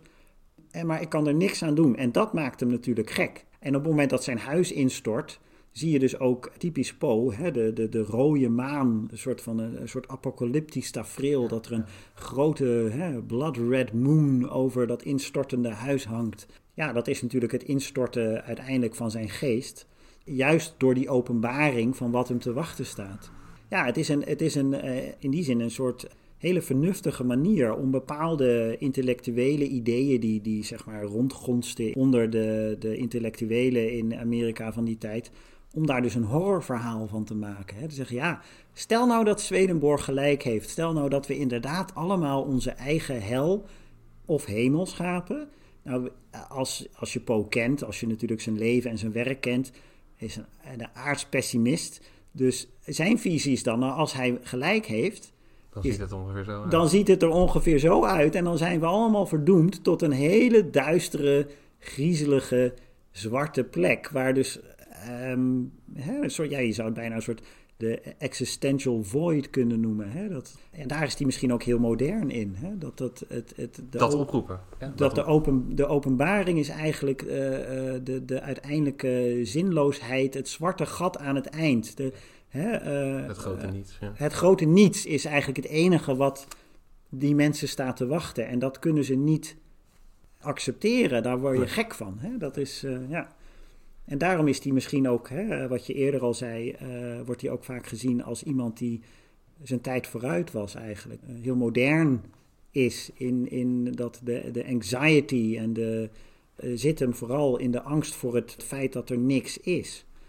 En zo gebruikt hij een hele religieus concept, zoals Swedenborg, en een religieuze filosofie, om dan te zeggen: oké, stel er is een hel, stel er is een hiernamaals, maar stel dat het gewoon een zwarte leegte is. Ja, ja. En eh, dat er dus geen heil te vinden is, geen blijdschap, geen, geen vrolijk hiernamaals, maar gewoon alleen nog maar de duistere.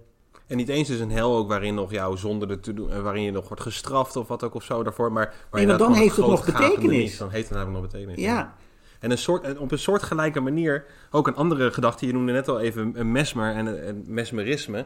Eh, een, een andere pseudo, we zouden tegenwoordig uit- aanduiden als een soort pseudowetenschap, wat ook in de intellectuele Mhm. kringen destijds ja zeer bekend was. En wat wordt ja. opgevoerd in eh, Facts in the Case of M. Voldemort, of Mr. Ja. Voldemort. Ja, Daar, een heel ander type verhaal eigenlijk. Hè, dus, dus waar die House of Usher een hele duidelijke eh, Ja, eh, gothic. elementen heeft van die gothic story. Ja, Zie je hier eh, een, een ander thema, wat ook regelmatig terugkomt. In ieder geval een ander genre, wat ook regelmatig terugkomt in het werk van Poe, namelijk de hoax. ja. Zou je daar meer over kunnen zeggen? Wat is, de, wat is het belang van de hoax voor, voor Poe? Ik denk dat een van de aspecten waarom die vaak dus probeerde eh, practical jokes en grappen uit te halen, is dat dat aan de ene kant ook een traditie was in populaire tijdschriften. Er is natuurlijk een soort eh, rapport tussen de, de, de schrijvers en de lezers. En een, ehm, hij schreef ook veel spelletjes en, en hè, eh, dingen uit waar mensen dan konden, konden dan weer insturen. Dat, dat eh, hè, hadden ze het antwoord gevonden. Ja, een soort En- raadsels, Eh, eh, ja, raadsels, en- cryptogrammen, dat is natuurlijk typisch van, van tijdschriften ook.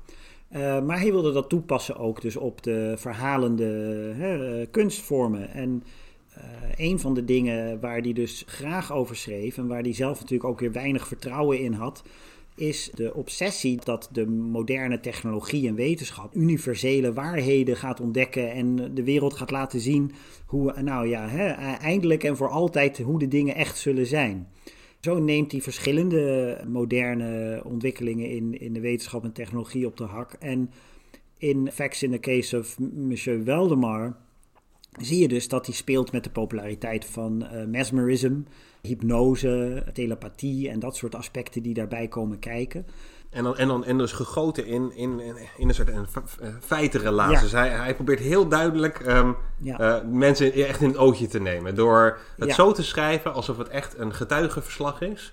Met ook de hele tijd getuigen erbij, die ook kunnen beamen wat er, eh, wat er gebeurt. En hij schrijft het heel zakelijk op, eh, eigenlijk. Hè? Ja, het, ver- het verhaal is, ge- is eigenlijk een respons. Poe schreef bijna al zijn verhalen in respons op iets wat hij in andere tijdschriften had gelezen. Dus je kan bijna elk verhaal dat hij heeft geschreven, heeft vaak een hele duidelijke bron. En de bron van Weldemar is dat een, een, eh, een artikel verscheen van een eh, arts die dus ook mesmerist was, eh, die iemand geope- geopereerd had onder hypnose. En eh, dat succesvol had gedaan. En dan denkt Poe natuurlijk: oké, hoe kan ik dit aan de ene kant heel sensationeel neerzetten? En proberen eh, het in het extreme te drijven. Ja. Maar eh, eh, hoe ver kan ik gaan dat mensen nog geloven dat dit mogelijk ja, is? dat is het vooral. Ja, En, ja, ja. en nou ja, dan verzint hij natuurlijk van nou, stel dat, dat artsen iemand onder hypnose kunnen brengen en hem en zijn ziel kunnen voort laten leven, terwijl zijn lichaam al dood de dood is. staat. ja. ja, ja, ja, Ja, dat je ja, dus ja. op het moment dat hij doodgaat, hypnotiseer je hem. Ja, En dan heb jij dus eigenlijk zijn ziel gevangen in die hypnose. Omdat Poe er nog steeds van uitgaat dat de ziel onsterfelijk is, kan je dus dan die bewustzijn van die ziel, daar kan je nog mee Of in communiceren. ieder geval voor deze hoax maakt hij dat aannemelijk. Dat dat, dat, dat, ja, dat, dat precies. los van elkaar ja, staat. Ja, Ja, dat die twee dingen dus inderdaad los hij van speelt in elkaar ieder geval staan. in op dat ge- geloof. Wat Ja, heer. ja, Dat is heel erg. van- ja, natuurlijk. Ja, net als bij Swedenborg, dat hij inspeelt op dat idee dat iedereen gelooft in het, in het hiernamaals, in het voortbestaan van de ziel. eh, En ook gelooft in hemel en hel. En dan, ja, dan neemt hij dus een bepaalde conceptie daarvan, zoals die van Swedenborg, en trekt hij dat weer in het extreme. Hè? Nou, eh, stel nou dat er niks is. Hier gaat hij dus, stel nou dat inderdaad de ziel blijft voortbestaan en je iemand op dat moment hypnotiseert, wat gebeurt er dan? En dan zie je dus dat, nou ja, dit is natuurlijk een man die, die op stervens na dood is. De arts komt, die neemt de kans om dus dit experiment te doen. Van wat gaat er nou gebeuren? En, En, eh, en, en die man wil het ook, hè? Dus die, die, die man zelf, ja, dat is natuurlijk belangrijk. graag, ja, ja, moet ook die toestemming geeft over zijn- vragen. Ja, die geeft zijn lichaam aan de wetenschap Ja. eigenlijk. Hè? En, en die, die gaat dus heel vrijwillig dat, dat, dat experiment aan. Nou zijn natuurlijk eh Poe's meest beroemde verhalen altijd horrorverhalen. Het loopt altijd slecht af. Er gebeurt altijd iets gruwelijks. En wat er natuurlijk hier gebeurt, is dat op het moment dat ze hem hypnotiseren, blijft die man inderdaad in leven. Ja. Maar dan hè, eh, gaan er weken overheen en controleren ze wel. Maar die man, die, die roept dus op een gegeven moment, dan, ze horen een stem vanuit een soort verste, verste... eh, het klinkt alsof die... eh, Uit een soort hè, leegte. Ja, Ja, uit ja, een soort weer. Uit die, uit die duistere leegte komt een soort, soort oerstem naar Want dat voren. hele lichaam dat is eigenlijk eh, dood. En ook in de weken die daarop volgen gaat dat lichaam eigenlijk ook gewoon in zijn normale...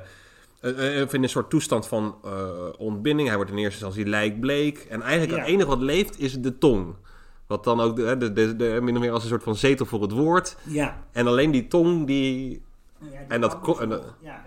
Ja, die, die, die, die, die brengt dus nog wat geluiden eh, voort. Ja. En, en het mooiste is dan dat hij op een gegeven moment ook zegt dat hij dood is. Hè? Dat is volgens mij het, het eigenaardige. Ja. En het aardigste is natuurlijk, als die hoax lukt, dat hij dus mensen heeft kunnen overtuigen van het feit dat iemand, ze- iemand dus nog, eh, eh, ook na de dood, dat ze dat die dus, dat die dus in gesprek kunnen blijven met elkaar. Ja. En dat die, dat die, die ziel neemt zijn eigen dood waar, als het Ja, ware. en wat natuurlijk zo belangrijk is voor Poe, is dat die ziel van Valdemar zijn eigen dood waarneemt, maar daar zo van schrikt en daar zo van geschrokken is, dat hij dus uiteindelijk zegt van eh, haal me hier uit, haal me hier uit. Eh, hij is dus ook weer in die, of in die totale duistere leegte van Asher beland, Ja. eh, of weer in zo'n zelfgemaakte hel. Eh, waar hij natuurlijk weer met, met open ogen nu moet aanzien wat hij zelf heeft gecreëerd. Hè? De- en en eh, dus wordt geconfronteerd met dus, eh, de, ja, de, de duistere krochten van zijn eigen ziel. En dat is zo pijnlijk en zo vreselijk en zo overweldigend. dat hij er dus gek van wordt. Dus uiteindelijk roept hij natuurlijk: haal me hieruit, haal me. Weet je? En, en dan krijg je dus het, het ja, uiteindelijk door hypnose het bewijs van het voortbestaan van de ziel. En dan denkt iedereen, yes, weet je, het klopt. Alleen, ja, de boodschap is uiteindelijk, gruwelijk. het is gruwelijk. En nie- niemand wil weten wat, wat daar uiteindelijk gebeurt. En dus de, de boodschap is tegelijkertijd natuurlijk ook weer een waarschuwing van... eh, hè, de wetenschap gaat hier zijn doel voorbij. Dit is niet voor de wetenschap om te weten. Eh, Oh, dit die is, moeten zich eh, houden eigenlijk aan die, gren, aan die grenzen van die, van die waarneembare Ja, want- wereld. En niet daar proberen voorbij te komen. En je ziet natuurlijk ook daar dus... En dan breng je op een gegeven moment dat lugubere einde. Want uiteindelijk haalt hij hem uit die hypnose. ja, En dan vervalt die man ook tot een soort... Die, die wordt meteen een soort van vloeibaar. In eh, één keer, ja. Ineens. Ja, want dat is natuurlijk, eh, dat, is, dat, dat refereert ook weer natuurlijk terug naar de House of Usher. Het stond daar, eh, het leek een, een huis, maar tegelijkertijd bestond het alleen maar uit afgebrokkelde deeltjes. En dat is natuurlijk precies wat er gebeurt bij Waldemar. Dat zolang Waldemar op die grens tussen leven en dood zit, eh, blijft zijn lichaam intact. Maar ondertussen is het natuurlijk helemaal ontbonden. Ja. En, en dan ja, is het in één keer, stort, net als het huis Asher, stort het in één keer in. Ja, deed me denken aan een soort Dor- Dorian Gray, waarin je dat... Ja, ook dat- portret. ja, waar Ja, dat portret natuurlijk ook steeds en, meer... En eh, dat portret in Dorian Gray is natuurlijk ook heel duidelijk een eh, symbolische representatie van Dorian's... eh, ehm, hè, verdorven ziel. eh, en alles ja, wat hij van, zichzelf van, aandoet. van, van zijn geweten. Ja, precies. geweten, en en precies. uiteindelijk pleegt hij natuurlijk door dat portret te steken, pleegt hij zelfmoord. Hè? Ja. Dat is natuurlijk heel duidelijk. En, en, en, en dat is in die zin een heel poësk verhaal. Hè? Ja. Daar zie je echt de thematiek van Poe en de symboliek. eh, Zo'n schilderij. Hè? Poe heeft ook veel met levende schilderijen en dat soort dingen. Ja, ja, zeker. Ja. Ja. Ehm, Maar zie je nou ook dat mensen, dus- geloven mensen zo'n hoax? Ik bedoel, is het een, eh, waren deze hoax, hoe werden deze Ehm, hoaxen ontvangen? Ik kan, ik kan je een leuk stukje voorlezen van een eh, Poe. Dit was natuurlijk niet het eerste verhaal. Ehm, Mesmeric Revelations was het eerste verhaal wat Poe schreef. Eh, waar mensen ook al op reageerden van... oh mijn god, wat, wat, wat, hè, wat fantastisch. Van, oh, je bewijs voor het... Hè, en, eh, en daar borduurde die dus op voort. En Weldemar was dus de volgende stap. Nog extremer. Kan ik het nog extremer Ja. maken? En dit waar- zie je vaker, toch? Dat hij dat Ja. eigenlijk thema's meerdere, meermaals uitwerkt. En misschien is het ook wel goed Ja. om even te zeggen, dus dat mesmerisme, dat is van een, eh, Frans Anton Mesmer, die, ehm, die eigenlijk geloofde dat het, het universum gevuld was met een soort fluïdum, een soort eh, eh, eh, dierlijk magnetisme, toch? Ja, ja, dat is was dan het idee van- nu kennen, ja.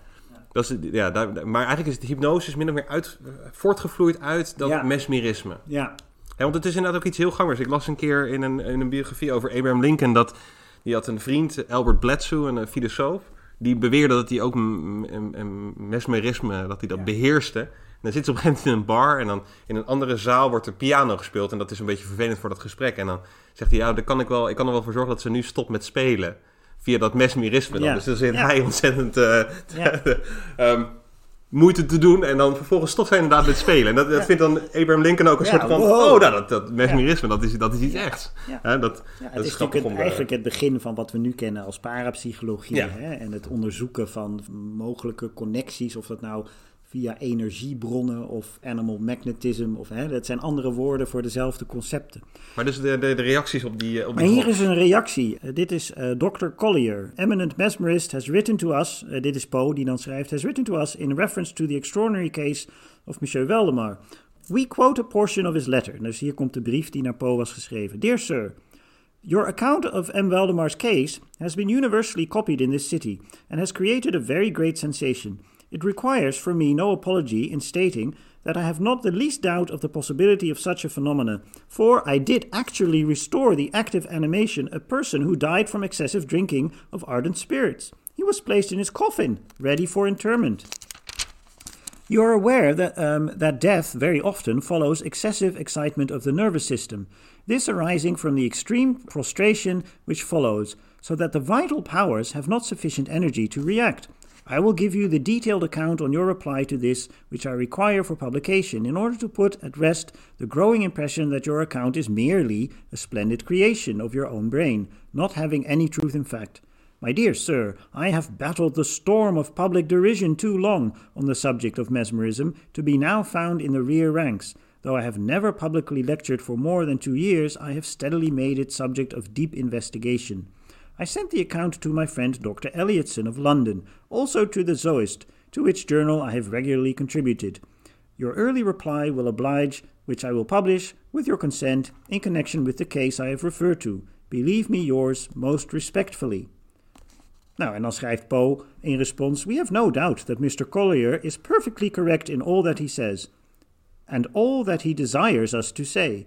But the truth is, there was a very small modicum of truth in the case of M. Valdemar, which, in consequence, may be called a hard case, very hard for M. Valdemar, for Mr. Collier and ourselves. If the story was not true, however, it should have been, and perhaps the zoist may discover that it is true, after all. Ja, ja, het is een lange brief, maar Ja. hij gelooft, eh, eh, dus hij, hij eh, heeft het zelf ook meegemaakt, min of meer. Of hij heeft een soortgelijke ervaring. Collier schrijft dus van, eh, nou, ik, ben, ik vind het zo fijn hè, dat je het stuk van Valdemar eh, eh, hebt gepubliceerd, want dat is bewijs voor wat ik al, al, al lang beweer, dat, dat mensen dus via mesmerism en hypnose terug uit de dood gehaald kunnen worden. Ja. Want ik heb dat zelf gedaan met een man die zichzelf dood had gedronken. Hij lag al in zijn Dus kist. hij vindt eigenlijk een soort corroboratie in een Ja, verhaal. hij wat zoekt niet- corroboratie voor Ja. zijn eigen. eh, eh, en dan zegt hij: Nou, jouw, jouw verhaal. En ik wil graag dat jij bevestigt dat het waar is. Want dan heb ik tenminste hè, corroboratie. En, dan, en dan schrijft Po, dus die, die, het is typisch Po. Die gaat dan niet zeggen of het wel of niet waar is. Maar die zegt van ja. Eh, er zat inderdaad wel een, een heel klein modicum of stukje waarheid in. En ja, en al- als het niet waar is, dan zegt hij: hè, If the story was not true, however, it should have been. Ja, ja. Hè? Dus als het niet waar was, ja, dan had het waar moeten zijn. Hè? Dat was gewoon te mooi. Dit is. eh, hè? Net als dat hij zegt van wat u zegt is ongetwijfeld waar en alles wat hij wil zeggen, dat is ongetwijfeld ook waar. Ja. En hè, dus van ja, als jij wil dat het waar is, dan is het waar. Ehm, en eh, zo heeft hij veel. eh, uiteindelijk schrijft hij ook in brieven naar kennissen dat het eh, echt een, een totale fabricatie en een hoax was. Want hij heeft meer van dit soort berichten. Hij heeft ook, die, Meerdere. ook de balloon hoax. Ja, hij heeft heel bewust de, de, de lezers in New York opgelicht door te schrijven over een ballonvlucht over de oceaan. Over de Atlantische Oceaan. Ja, Engeland toch? de- ja, ja, ja. over de Atlantische Oceaan. En dat dus de, de, de. Nou ja, die ballon komt eraan. En zo en zo is het gegaan. En op deze manier. En ze hebben het zo gebouwd. En dan. eh, nou, wat geweldig. En dan heeft hij ook natuurlijk bewust een datum ingezet. Zodat mensen gingen ook allemaal kijken. Eh, oh, die, hè, da- die ballon, die ballon komt eraan. Nou, en eh, wat, die, wat, wat voor Poe, als je eh, dan zijn brieven en, en zijn, zijn andere eh, tijdschriftartikelen leest, wat, waar hij het voor doet, is om dus achteraf te kunnen zeggen: ha, ha, ha. Hè, die lui gingen allemaal naar de kade toe om Ja, te ja. kijken. waar Die ballon was natuurlijk helemaal geen ballon. En ja, zo heeft hij. eh, je zei het ook even, hij is de uitvinder van fake news. Hè? Eigenlijk, ja, dat is natuurlijk een grapje. Dat, dat, je ziet dus dat, dat, dat in hè, de, de jaren 30 en 40 van de 19e eeuw tijdschriften al bewust bezig waren met fake news. Omdat het grappig is om mensen om de tuin te leiden. Ja, ja, ja. Eh, maar dat zijn natuurlijk gewoon ja, practical jokes. Dat is natuurlijk, het is geen... eh, Maar je moet het natuurlijk wel kunstig doen. En je ziet ook dat hij Ja. verstaat die kunst natuurlijk eh, ontzettend goed. Want als je dan in zo'n balloon hoax, of ik neem aan dat de titel van later is, Ja, de dat- titel is van later. dat hij dan ehm, wel heel erg goed eigenlijk eh, zich inleest in die aerodynamica. Dat hij zich heel erg goed inleest in die wetenschap. Ja. En, en, en, dat zie je volgens mij met meerdere van de wetenschapsgebieden die hij aanhaalt. Hij was er wel erg goed van op de hoogte. En, en, en dat weet hij dan ook dus zo te gebruiken dat, dat het een enorme aannemelijkheid aan zich heeft. Want men, men vliegt natuurlijk uiteindelijk ook over de Atlantische Oceaan. Eh, dat is wel een flinke tijd nadat hij dat Mhm. Ja. verhaal schrijft. Maar je ziet daar echt inderdaad die science fiction, namelijk je goed inlezen in die wetenschap om een fictie te schrijven die zo nabij de werkelijkheid ligt dat hij geloof, dat die geloofwaardig, Ja, dat die die geloofwaardig geloofwaardigheid. Ja, eh, ja. over zich En krijgt. het gaat terug natuurlijk naar zijn geloof in, in craft, in, in, in het, het controle hebben over de taal, in het weten welke woorden je moet combineren met andere woorden om mensen een bepaalde reactie op te wekken bij mensen. Ja, dat was, eh, Want dat fact dat lees echt als een, inderdaad een feitenrelaas. eh, eh, Alsof je inderdaad een huisarts hebt die aantekeningen maakt in de aantekeningen Precies, van het, ja. het voortgaan van zo'n avond. ja, En, en waardoor die inderdaad eigenlijk geen. ehm, ja, wa- waardoor hij de elementen zo bij elkaar schrijft, inderdaad. Inderdaad, op zo'n ambachtelijke manier bij elkaar schrijft. Dat het, dat het een enorme aannemelijkheid aan zich heeft. En dat het dus ook volgens mij daarom des te meer genieten is. Als je dus zo'n brief krijgt van zo iemand die daar ook helemaal bevestigingen ziet. Ja. van wat hij al jaren en jarenlang beweert, terwijl niemand hem gelooft. ja. Volgens ja. mij kan die daar, heeft hij daar hartelijk om kunnen lachen. Dat, dat, eh, En het gebeurde niet alleen binnen Amerika. Hij kreeg dus ook brieven uit Engeland eh, over dat mesmerisme. En, en eh, hè, er waren echt. Ja, ze zagen hem echt alsof hij eh, belangrijke bewijzen leverde. Maar je ziet ook dat hij als tijdschriftschrijver dus heel goed zijn, zijn hè, vinger aan de pols had. Hij wist. eh, Wat is op dit moment hot topic? Hè? Waar Ja. heeft iedereen het over? Ja. Wat willen mensen graag zien of horen? En dan schreef hij daar iets over. Vandaar ook, denk ik, al die gothic verhaaltjes. Dat hij, hij wordt vaak in de, in, soort van in de volksmond, hè, Poe, oh, dat is de master of horror. Maar het grappige is, hij schreef die verhalen, want dat is wat lezers wilden lezen. Dat was populaire literatuur op dat moment. Hè. Blackwoods Magazine in, in, in, van eh, Edinburgh eh, was natuurlijk eh, waarschijnlijk het, het- een van de, de best verkochte tijdschriften in de 19e eeuw in Groot-Brittannië. Die specialiseerde zich in dat soort verhalen, in sensatieverhalen. Mhm. En hij ging dus verhalen schrijven, gewoon in, in respons op wat populair was in Ja. een populair tijdschrift. Tegelijkertijd schreef hij een verhaal dat heet How to Write a Blackwoods Article. En dat is een persiflage waarin hij dus eh, eh, een, een, een, fictieve, een fictieve redacteur van Blackwoods neerzet tegen een fictieve schrijver. En, die, en Blackwood, die redacteur, zegt van... ja, maar je verhaal moet gewoon dit hebben en dit. En als je dit erin stopt en een beetje van dat... dan heb je een Blackwoods Article en dan verkoopt het goed. En wat zo grappig is, is dat hij dan als voorbeeld gaat natuurlijk die schrijver uiteindelijk een verhaaltje schrijven, wat een totale parodie is op wat Poe zelf schrijft in House of Usher, in Ligeia, in, in zijn serieuze horrorverhalen. Maar het zegt natuurlijk gelijk iets over hoe Poe die horrorverhalen, zijn hele attitude ten opzichte van wat hij schreef. Ja. Want hij schrijft die horrorverhalen natuurlijk in een serieuze stijl, in een soort mystieke, romantische stijl.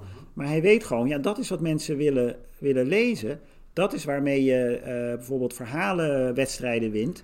Dat brengt geld in het laadje.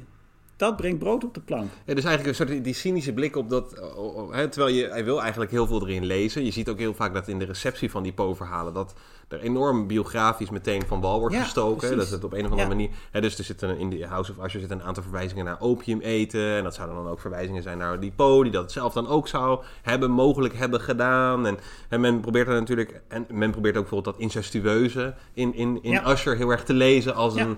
eh, terwijl, en dat had hij dan zelf ook, omdat hij met zijn nichtje trouwde. Dus men probeert maar dat dat was heel erg- natuurlijk heel normaal in die tijd.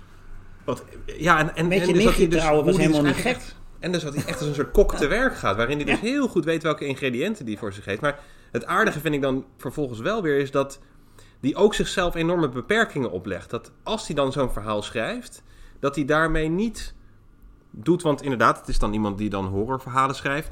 Maar tegelijkertijd heel veel horrorverhalen die wij vandaag de dag kennen, die spelen heel erg met fantasie en met fantasiewezens. En met eigenlijk ongeloofwaardige elementen eh, Ja. om, eh, om schrik aan te jagen. Ja. Of je nou weerwolf neemt of vampieren of wat ook of Ja. zo. Je kan allerlei dat soort, of dat soort zaken, bij, bij bovennatuurlijke zaken, worden vaak aangehaald. ehm, en zijn vaak thematisch in die horrorverhalen om inderdaad bepaalde angst op te wekken. Terwijl je bij Poe eigenlijk heel dicht bij het mundane blijft, het wereldse. Hè, Zo'n Fall of the House Usher heeft niet... Hè, het is niet een, eh, je komt geen draak tegen, je komt geen zombie tegen, je komt geen... Nee. Hè, dus hij blijft wel op een bepaalde manier dicht bij de werkelijkheid staan. Ik Ja. vond dat eigenlijk dus bijvoorbeeld in het verhaal wat je ook aanraadde... eh, de, de imp of the perverse eigenlijk misschien nog wel het beste naar voren Ja. komen. Hoe die Ja. eigenlijk laat zien dat midden in die, werk, die horror zit eigenlijk midden in die werkelijkheid. En zit midden in, de, in, het dagelijks, in het dagelijks leven. En. Dat weet hij volgens mij, en dat is het zo aardig. Dat hij, dus hij gaat niet makkelijke ingrediënten gebruiken die je als horrorverhaalschrijver makkelijk kan invoeren. Ja. Zoals zombies of wat ook of zo. Nee, hij maakt zich ook wel een beetje moeilijk door proberen zijn ingrediënten zo dicht mogelijk bij het waarneembare en het werkelijke te houden. Ja. Om, maar daar dan toch die angst mee te evoceren en toch die horror mee Ja. eh, Daar ook heeft hij in, zijn, eh, in een introductie van een van zijn bundels zelf eh, schreef hij, dat was iets wat in die tijd heel makkelijk te begrijpen was. Hij zei, terror is not of Germany, but of the soul. En waar die, dan, dan, dan denk je nu van, hè, terror is not of Germany, weet je. Maar daarmee doelde hij dus op de Duitse Sturm und Drang, en, maar ook gewoon de Britse gothic die daar weer op voortborduurde. Hè. En, en het lugubere van dat soort, hè, de, de spoken en geesten, eh, demonen, eh, hè, dus het bovennatuurlijke. En als hij dus zegt, terror is not of Germany, but of the soul, dan bedoelt hij dus, je, je, de, de echte angst, de echte horror, die vind je niet in, in, een, in een fantasiewereld van het bovennatuurlijke. Je moet dus letterlijk weer je ogen naar binnen draaien Ja, ja. en, en Ja. naar binnen kijken. Want als je dus horror wil meemaken, know thyself. En dan, En dan heb je genoeg horror. en ja, dan- dan kan je boeken vol schrijven. Ja, precies. Dus, Want dan zit het zo aardig, dat vind ik het aardige aan inderdaad, die Imp of the Perverse. Hè. Je denkt heel snel door de, de titel al van het is een duiveltje, een demon, Ja. noemt hij het later ook. En, ja, Maar het aardige is eigenlijk dat het is niet een imp zoals je, het is niet, eh, want je denkt daar, oh, Nee. daar gebruikt hij juist van fantasiewezen. Maar wat hij wat hij juist laat zien is dat hij eigenlijk met een vrij theoretisch essay, of een essay-achtige stijl begint, vrij theoretisch, Mhm. over de motiveringen van de ziel. ja, En dan komt met inderdaad een soort. ehm, met een kritiek op de moralisten en wat hij dan noemt de frenologen. Ja. Frenologie was dan mensen die bepaalde eh bult op de schedel en zo en in de hersenen verbonden met bepaalde karaktereigenschappen. Zoals wij nog wel spreken van een talenknobbel of een, of een wiskundeknobbel of zo. ja, ja, ja. En dan zegt hij, ja, die moralisten, die metafysici, die hebben eigenlijk a priori voor de, voor de ervaring al zo min of meer vastgesteld welke drijfveren er voor de mens zijn. De mens wil in leven blijven, de Ja. mens wil zichzelf voortplanten. Er zijn een soort prima mobilia, heeft hij dan ook over, of principia, die jou drijven in het leven. Maar ze hebben er één groter over het hoofd gezien. En dat is dan die imp of the perverse. Want wa- wat is die perversiteit voor hem? Ehm, de, hè, waar die dan uiteindelijk op uitkomt in dat verhaal, is dat elk mens uiteindelijk gedreven wordt door bepaalde krachten eh, waar die geen controle over hebt en die uit zijn op de destructie van de mens zelf. Dat is heel belangrijk. Hè? Hij noemt het die irresistible urge, a curiosity noemt hij het ook in, dat, eh, in intuition. Het is iets waar eigenlijk mensen op zichzelf wel aan de ene kant weten dat het zo is, maar ze kunnen er niks aan doen. Je, je hebt er geen controle over. Want daarom gebruikt hij volgens mij ook dat woord imp. Want hij gaat, Ja. laat dat in dat verhaal de hele terugkomen. In, en wij Ja. kennen het natuurlijk ook als impuls. Ja, precies. Hè? Eh, ja, ehm, die impuls Of imperative. Dat, ja. eh, ja, je ziet de hele tijd dat die, dat die imp, je denkt het is een duiveltje, maar nee, het zit de hele tijd in die taal al vervlochten. Hij Ja, gebruikt precies. expres is- bepaalde woorden om dat Ja. op te roepen. Ja, het is net als wat je eerder zei over hè, de House of Usher. Dat is natuurlijk een pan op, op house als in eh, hè, gewoon een huis, maar ook de house van als een familie, hè, het koningshuis. En dan verwijst het naar eh, house, ehm, eh, ja, de, de soort van dead metaphor in de Engelse taal. The head is a house for reason to live in. Dus dat, dat komt dan ook weer naar voren. En eh, hier heeft hij het dus over een overwhelming tendency to do wrong for the wrong's sake. Ja. En dat is die imp. Het is impuls. We zijn, mensen zijn impulsief. Ja. Ehm, Ja. hè, dat is een heel grappige woordspeling die hij bijvoorbeeld bij Valdemar noemt. Daar heeft hij het aan het eind over recomposition. Ja? Hè, In- dus, in wat voor zin? eh, nou ja, Valdemar is natuurlijk eh, decomposed uiteindelijk. Ja? Maar to compose yourself, hè? hou jezelf... Recom to recompose yourself. Als je dus de draad kwijtraakt in je geest, Ja. dan zeggen mensen, hè, just recompose yourself. Maar hier heeft het natuurlijk te maken met het feit dat Veldemar, you can, he can't recompose himself. He's dead. He's decomposing. Ja, precies. Dus dan speelt hij daar weer mee. En, en eh, zo speelt hij continu met, met dat soort woordspelingen.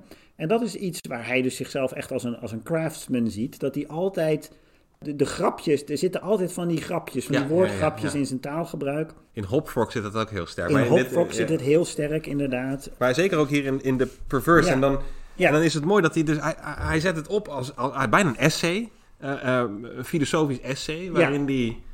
Ik leid er ook een beetje in. Vooral omdat hij moralisten ook aanhaalt. Nou heeft hij het ook over de frenologie. Het loopt een beetje door elkaar heen. Maar het grappige is ook al dat hij moralisten noemt. En in zijn tijd... Hij kende de Duitse eh, moraalfilosoof ook goed. Waaronder ook, waaronder ook die Kant. Die spreekt van een, een, een, een, een categorisch imperatief Ja, een handeling die. Of een plicht om zo te handelen. dat Ja. jouw handelen tot een universele wet kan worden verheven. Hè? Dat Ja. is dan de gedachte bij hem. Bijvoorbeeld liegen of pesten, dat moet je niet doen. Waarom moet je dat nou niet doen? Nou ja, als iedereen wordt gepest, dan word jij zelf ook gepest. En dan, dat is niet handig voor jou. Dus het is goed om als regel te houden niet te pesten. Om de plicht te voelen. ja en dat precies. hij dan een Duty gaat het. plichtmatige, ja, precies, duty. En de plichtmatige eh, ethiek. En hier zie je eigenlijk dat het omdraait. Hè. Er is een imperative, maar die is niet geboren uit een soort ethos of zo. Nee, nee, nee, die, die kan nog gewoon als een impuls eh, per ongeluk bijna Ja. tevoorschijn komen en jouw handelen sturen. En dan gaat hij van hele mundane voorbeelden, eigenlijk hele dagelijkse voorbeelden, gaat hij dan naar vrij extreme voorbeelden. Dus hij begint dan eerst met van, of hij noemt dan bijvoorbeeld, ehm, ja, je moet iets heel belangrijks doen. En je weet dat het heel belangrijk is. En je weet dat het je vooruit helpt in het leven. En je weet dat het het goede is om te doen. En dan ga je dat toch lekker niet zitten doen. Dat, dat, die impuls om je daar eigenlijk van weg te keren. Ja, en dat dan toch niet te gaan zitten doen. Eh, ik denk dat elke student dat herkent. ja, dat denk ik ook. Ehm, en eigenlijk elk mens. Hè? Eh, Zeker. eh, al is het maar zoiets sufs als de afwas. Je hebt er gewoon geen zin in. Je, en, en je laat het zo lang mogelijk staan. En je weet ook dat hoe langer je het laat staan, hoe langer het gaat duren om het af te wassen en hoe meer erbij komt. Dus het is totaal counterproductive om het niet te doen. En toch doe je het niet. ja. En eh, ik denk dat Poe in die zin eh, daar natuurlijk mee speelt. Met het idee van ja, als we het op dat, dat soort suffe niveaus al doen. Mhm. Laat staan over de grote zaken van het leven. Want die veel complexer zijn. Hè? Dan gaan we daar natuurlijk al helemaal de mist in. En dan, Ja. Ehm, en dan zie je dus dat die uitkomt bij, hè, eh, denk aan de, de, het personage, de, de- het hoofdpersonage in Manuscript Found in the Bottle. Die natuurlijk eh, uit, door, eigenlijk door zijn eigen curiositeit eh, zichzelf steeds verder eh, een soort van de, de, de, de afgrond in helpt. In plaats van de veiligheid op te zoeken, belandt hij steeds weer een stukje verder in. En uiteindelijk ja. eindigt hij natuurlijk met dat schip. hè, wordt hij, hij kan het dan nog net opschrijven en in een flesje doen, zodat wij het verhaal kunnen lezen. Ja, ja, ja. Maar hij eindigt natuurlijk uiteindelijk gewoon, wordt hij, wordt hij, wordt hij natuurlijk, eh, eh, dat is dan de fictie, in, in, hè, eh, bij de Zuidpool gewoon de, soort van de, hè, de hollow earth ingezogen. Ja, dat, dan gebruikt hij ook weer zo'n zo'n zo'n zo'n iets wat eh, courant is in die tijd. Ja, Hè, zo'n dat gedachte idee dat de, van de de aarde, ja. de aarde is hol, inderdaad. Ja, en daar maakt hij dan mooi misbruik van. Maar het gaat natuurlijk om dat die man uiteindelijk door zijn curiositeit eh, steeds dichter bij die afgrond Bij, komt. zijn eigen vernietiging komt. En zijn Oh, eigen dat vernietiging komt. Ja. Want hij schrijft dat inderdaad ook in die Imp of the Perverse. Dat Ja. je, en ook dat is misschien wel een gedachte die we ook wel herkennen. eh, Die, eh, dat destructieve, dat dat ook een aantrekkingskracht heeft. Hij heeft het inderdaad over als Ja. je dan een, zo'n afgrond... Je denkt inderdaad van, of je, ja, je zou denken, en die filosofen die stellen zich dat ook voor, hè, dus die, die stellen dan a priori principes op van het leven, de drijfveren van het leven. Je bent er, je bent er voor zelfbehoud en voor voortplanting. En dan zegt die Po van, ja, maar als je aan zo'n rand van de afgrond staat, dan zou je denken, als dat waar is, a priori, dat jij weggaat. Hè, dat- maar hij gaat dan juist van dit soort uit de ervaring getrokken voorbeelden halen, dat hij zegt van, ja, maar wat is eigenlijk je ervaring als je daadwerkelijk bij die afgrond staat? Ja, dat je er op een bepaalde manier ook een beetje in wil kijken. Dat je op een bepaalde manier ook door een nieuwsgierigheid wordt gedreven om hoe zou het nou zijn als ik me daar instort? Hè? Dat ontzettend mensen ook wel eens bij een voorbij razende trein of, of wat dan ook. Hè? Iets wat, wat meteen jouw leven kan nemen of wat meteen wat een hele destructieve invloed heeft, dat dan toch doen. Maar dat is Eh, of, dat, of in eh, ieder geval de gedachte entertainen om dat te doen. Dat is de waarschijnlijk, ja, dat is natuurlijk ehm, een, een drijfveer voor veel mensen waarom ze ooit hun eerste biertje drinken of glas wijn nemen. Niet omdat ze weten dat ze het zo lekker vinden, en- maar omdat Nee. ze denken van, hoe zou dat zijn? Hoe zou dat zijn? Ja. Want Ja. weet En ik veel, hè? je Ja. ziet andere mensen dat doen, dus dan denk je, ja, zij doen het, en hoe, hè? zo gaat dat met drugs, zo, maar zo gaat dat ook met autorijden bijvoorbeeld. Of, eh, niet iedereen heeft dat natuurlijk, maar veel mensen denken dan, goh, ik wil weten hoe het is om auto te, hè? dus dat, dan ga je je rijbewijs halen en je wil weten hoe dat is. Ehm, En dan het aardige is dat hij dus al die aannemelijkheid eraan. Dus je denkt Ja. heel erg van, oh, dit is uit het leven gegrepen. Hè, dus Ja. je, je hebt heel erg zoiets van, oh, de, de verteller hier, die, die vertelt iets wat eigenlijk ook wel heel erg overtuigend is. ja, En dan kom je er vervolgens achter dat je eigenlijk naar een moordenaar zit te Ja, luisteren. hij zit natuurlijk in de... In de Hij zit in de eh, cel, blijkt. zit in de cel. In ieder geval, hij is ten dode opgeschreven. Hij wordt straks opgehangen. Hij eindigt natuurlijk ook, ja, straks ben ik vrij. Ja, Maar waar? En dan gaan we weer terug naar Poe's idee Ja. van Ja. wat is er na het leven. Ook hij denkt van ja, dan ben ik echt vrij, want dan ben ik vrij van die imp, maar dan ben ik ook vrij van alle sociale eh, constricties op mijn handelen en doen. Maar ehm, hij weet ook, hij heeft iemand vermoord. Dus Ja, en- hij en zal en die naar de hel gaan. want hij heeft, het heel, hij heeft het heel slim aangepakt. Dus hij heeft eigenlijk heel rationeel, Ja. een heel rationeel gecalculeerde eh, eh, moord gepleegd. Hij heeft een soort Ja. kaars met, met- een of ander spul in die kaars zodat hij ook niet gepakt kon worden. En daardoor kon hij een, een- het, het huis erven. Dus het lijkt ook alsof het dus familie is. Die, die, eh, hè, want hij is uiteindelijk dan de erfnaam van het huis van degene die die Ja, dit is, dit is eigenlijk weer een variatie op het verhaal van de Telltale Heart. Hè, waar ook, Oh ja, ja, ook ja, eh. Een, iemand uiteindelijk natuurlijk eh, door zijn eigen geweten gedreven opbiecht van ik heb het gedaan, ik heb hem vermoord. Hè. Zijn hart hij, van ligt die, hij van die bekentenisverhalen eh, Precies, heeft hij ja. heel sterk. Ja. En dat is, dat is hier natuurlijk ook zo. Het is weer een, andere, eh, een ander scenario, maar het komt op hetzelfde neer. Dat natuurlijk die imp eh, is ook tegelijkertijd wat mensen drijft tot dit soort daden. Hè, hij wil dat huis, hij wil voorkomen dat, dat iemand anders dat huis krijgt. Hij is eigenlijk in die zin gewoon wordt gedreven door, door hebzucht. ja. En dat is zijn imp. Ja, Maar- is dat zijn imp? Of is, want ik zou dus juist denken, dat hier is de bekentenis eigenlijk zijn imp.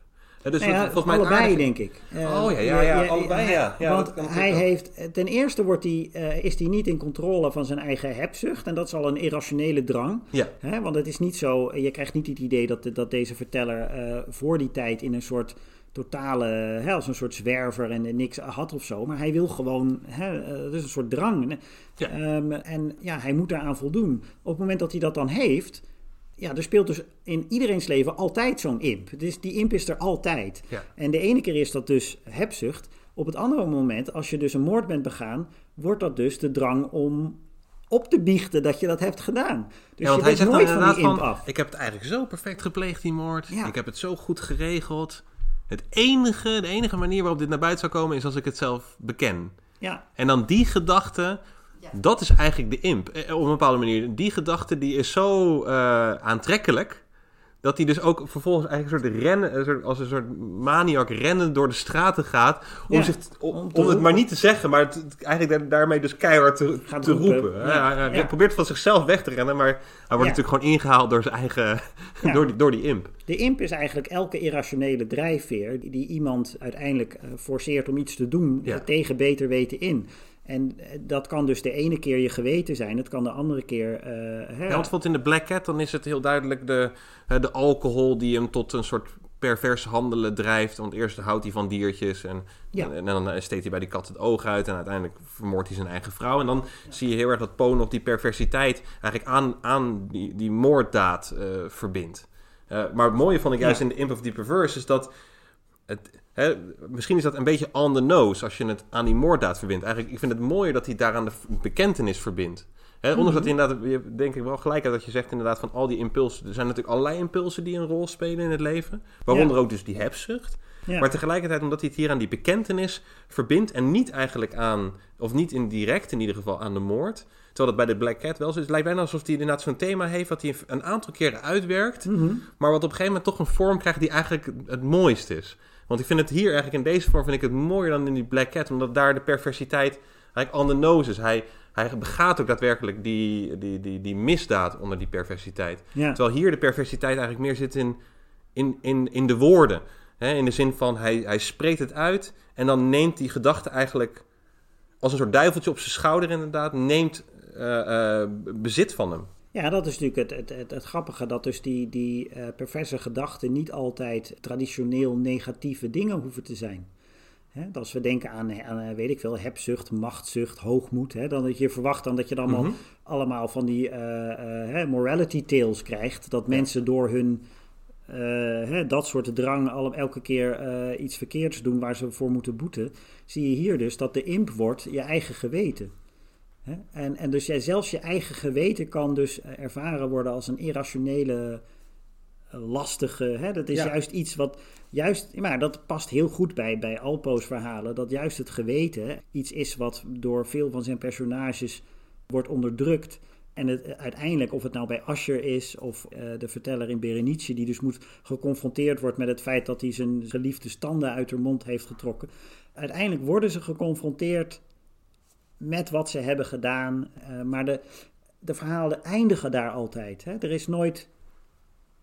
Er is nooit de volgende stap. Waar, wa- wat we in, in veel 19e-eeuwse literatuur zit, vooral in tijdschriftliteratuur, maar bijvoorbeeld ook bij Dickens en andere hè, populaire schrijvers, is dat uiteindelijk er altijd een, een vorm van gerechtigheid is. Ja, ja, ja, ja. die En er hier niet is. Die ja. er bij Poe nooit is. Nee, want Eh, daarom denk ik dus inderdaad ook dat er bijna een afstandsneming zit. te- daarom vind ik het aardig ook dat hij dus bijna die categorische imperatief van Kant op, eigenlijk op zijn kant draait.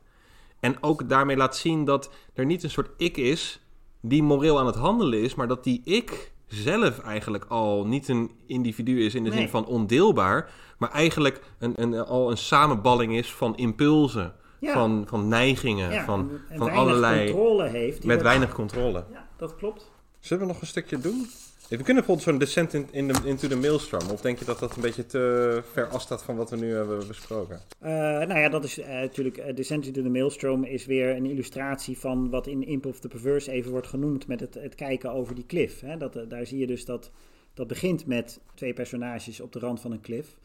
Waarvan die ene dus heel erg niet wil, hè, die is heel bang. En, en denkt van, oh, en die andere man die hangt daar lekker zo. Ja, nee joh, je moet- Ja, het zien. ja. Want, eh, dan, en dat, dat is natuurlijk in die zin een... een eh, dan, zitten dan in Lofoten in Noorwegen. En ze zitten dus inderdaad over zo'n zo'n zo'n klif te kijken naar een soort zee. Ja, waar een Engte. soort natuurlijke eh, eh, draaikolken ontstaan. Ja, met, zo'n met periodiek komt er een periodiek draaikolk. komen die afhankelijk van het getij komen die draaikolken op.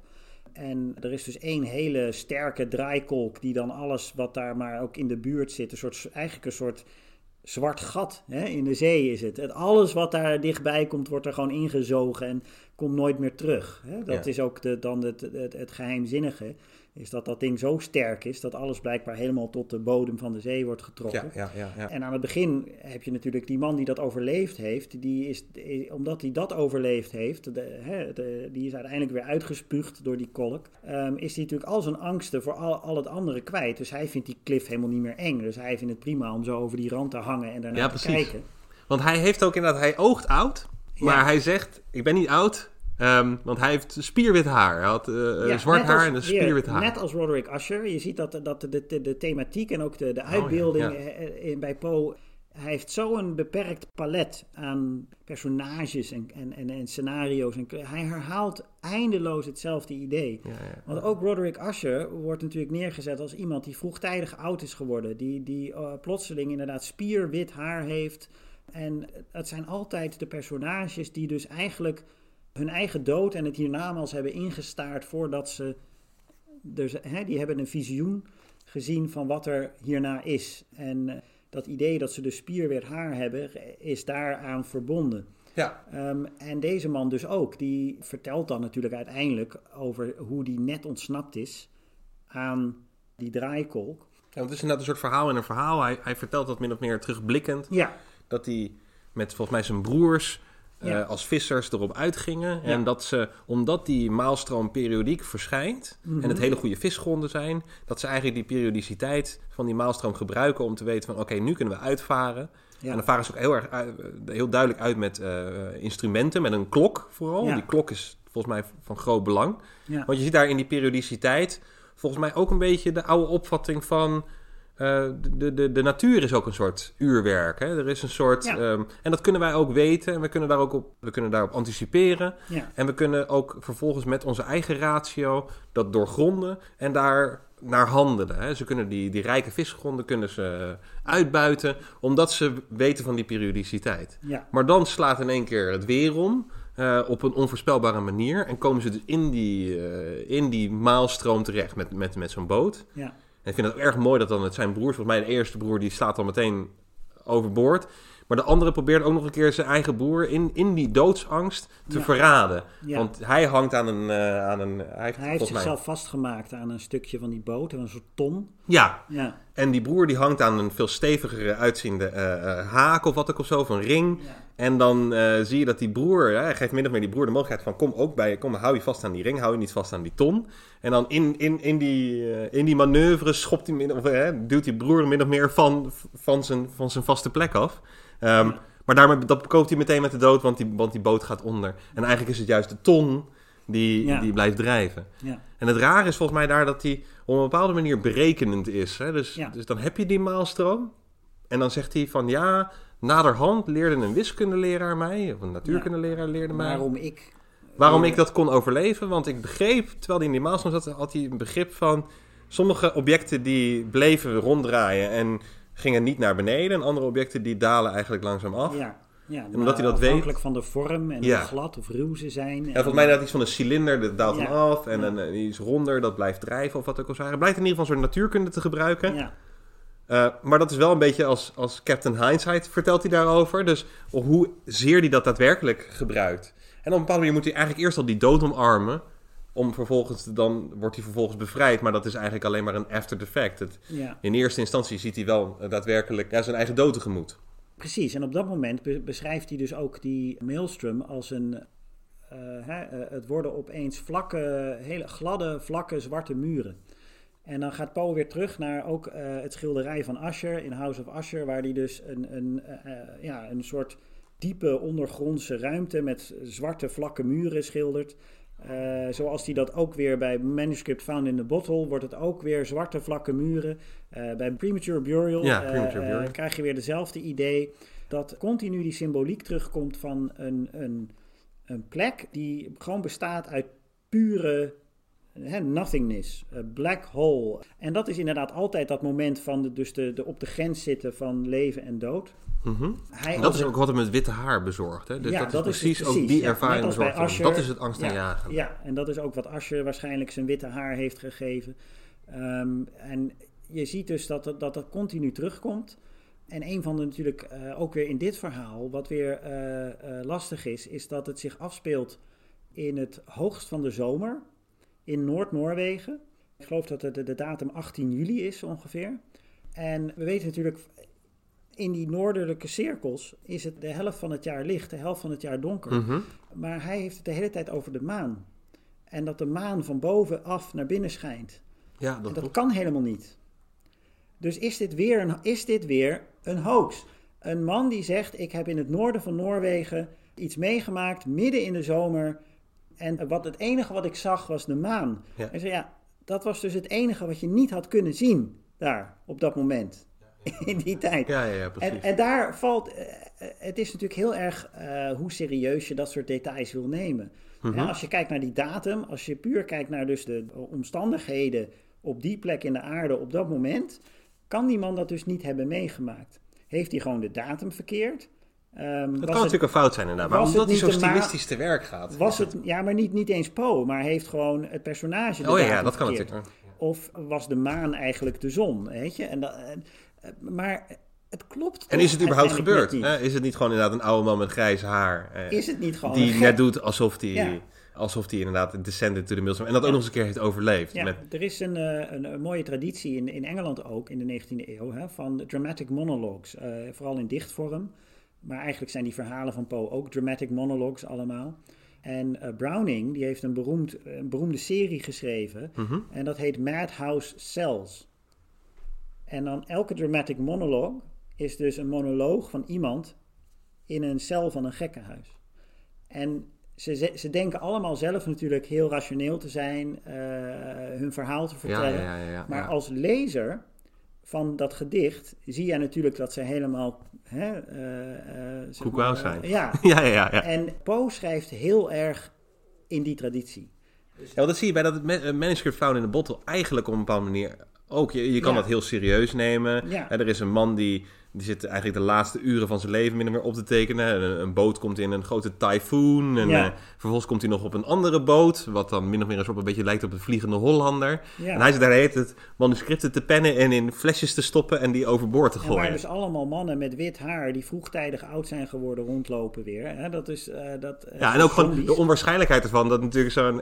hoe, hoe waarschijnlijk is dat dat als jij dan bij de Noord- of bij de Zuidpool zo'n brief in een flesje doet en je gooit die overboord, dat die ergens aanspoelt en bij elkaar aanspoelen. Dus ook daar lijkt het ook wel zo te zijn inderdaad dat er ook, eh, ook daar een beetje wordt, li- lijkt te worden gespeeld met inderdaad een soort hoax. Hè, men zegt ook wel volgens mij dat heel, in die tijd er heel veel van dat soort eh, verhalen waren van, van zeerampen en van, van piraten. En dat dat ook gewoon een populair genre Ja, was. precies. En Ja. dus dat hij daar dan toch dat een klein beetje op de hak neemt door er dan zo'n vreemd verhaal eh, Ja, ook dat verhaal is gebaseerd op, op een, een eer- eerder gepubliceerd verhaal in een tijdschrift over iemand die dus zo'n zo'n ja, zeeramp had meegemaakt en overleefd. En dan zie je dat Poe dat weer neemt en dan zegt, ja, en dan ga ik het nog even echt aan de randen van de geloofwaardigheid duwen. Hè? Op de rand van het bovennatuurlijke en mystieke. Ik heb zelf toen ik ooit Poe begon te lezen, was het voor mij gewoon gothic horror. En hoe meer ik het lees, eh, merk ik hoe hij inderdaad gewoon een hoaxer is die die, die genres zo goed beheerst, dat hij dus de lezers kan laten griezelen, terwijl hij zelf heel hard aan het lachen is. Hè? Terwijl hij gewoon, hij heeft zijn lezers als een soort marionetten en die bespeelt hij dan.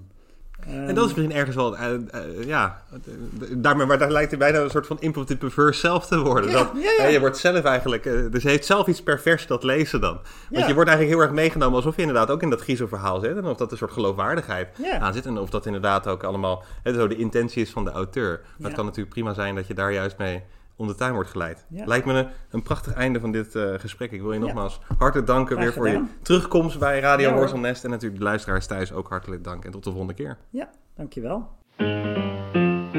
Dit was weer een aflevering van Radio Horselnest. Dank u voor het luisteren.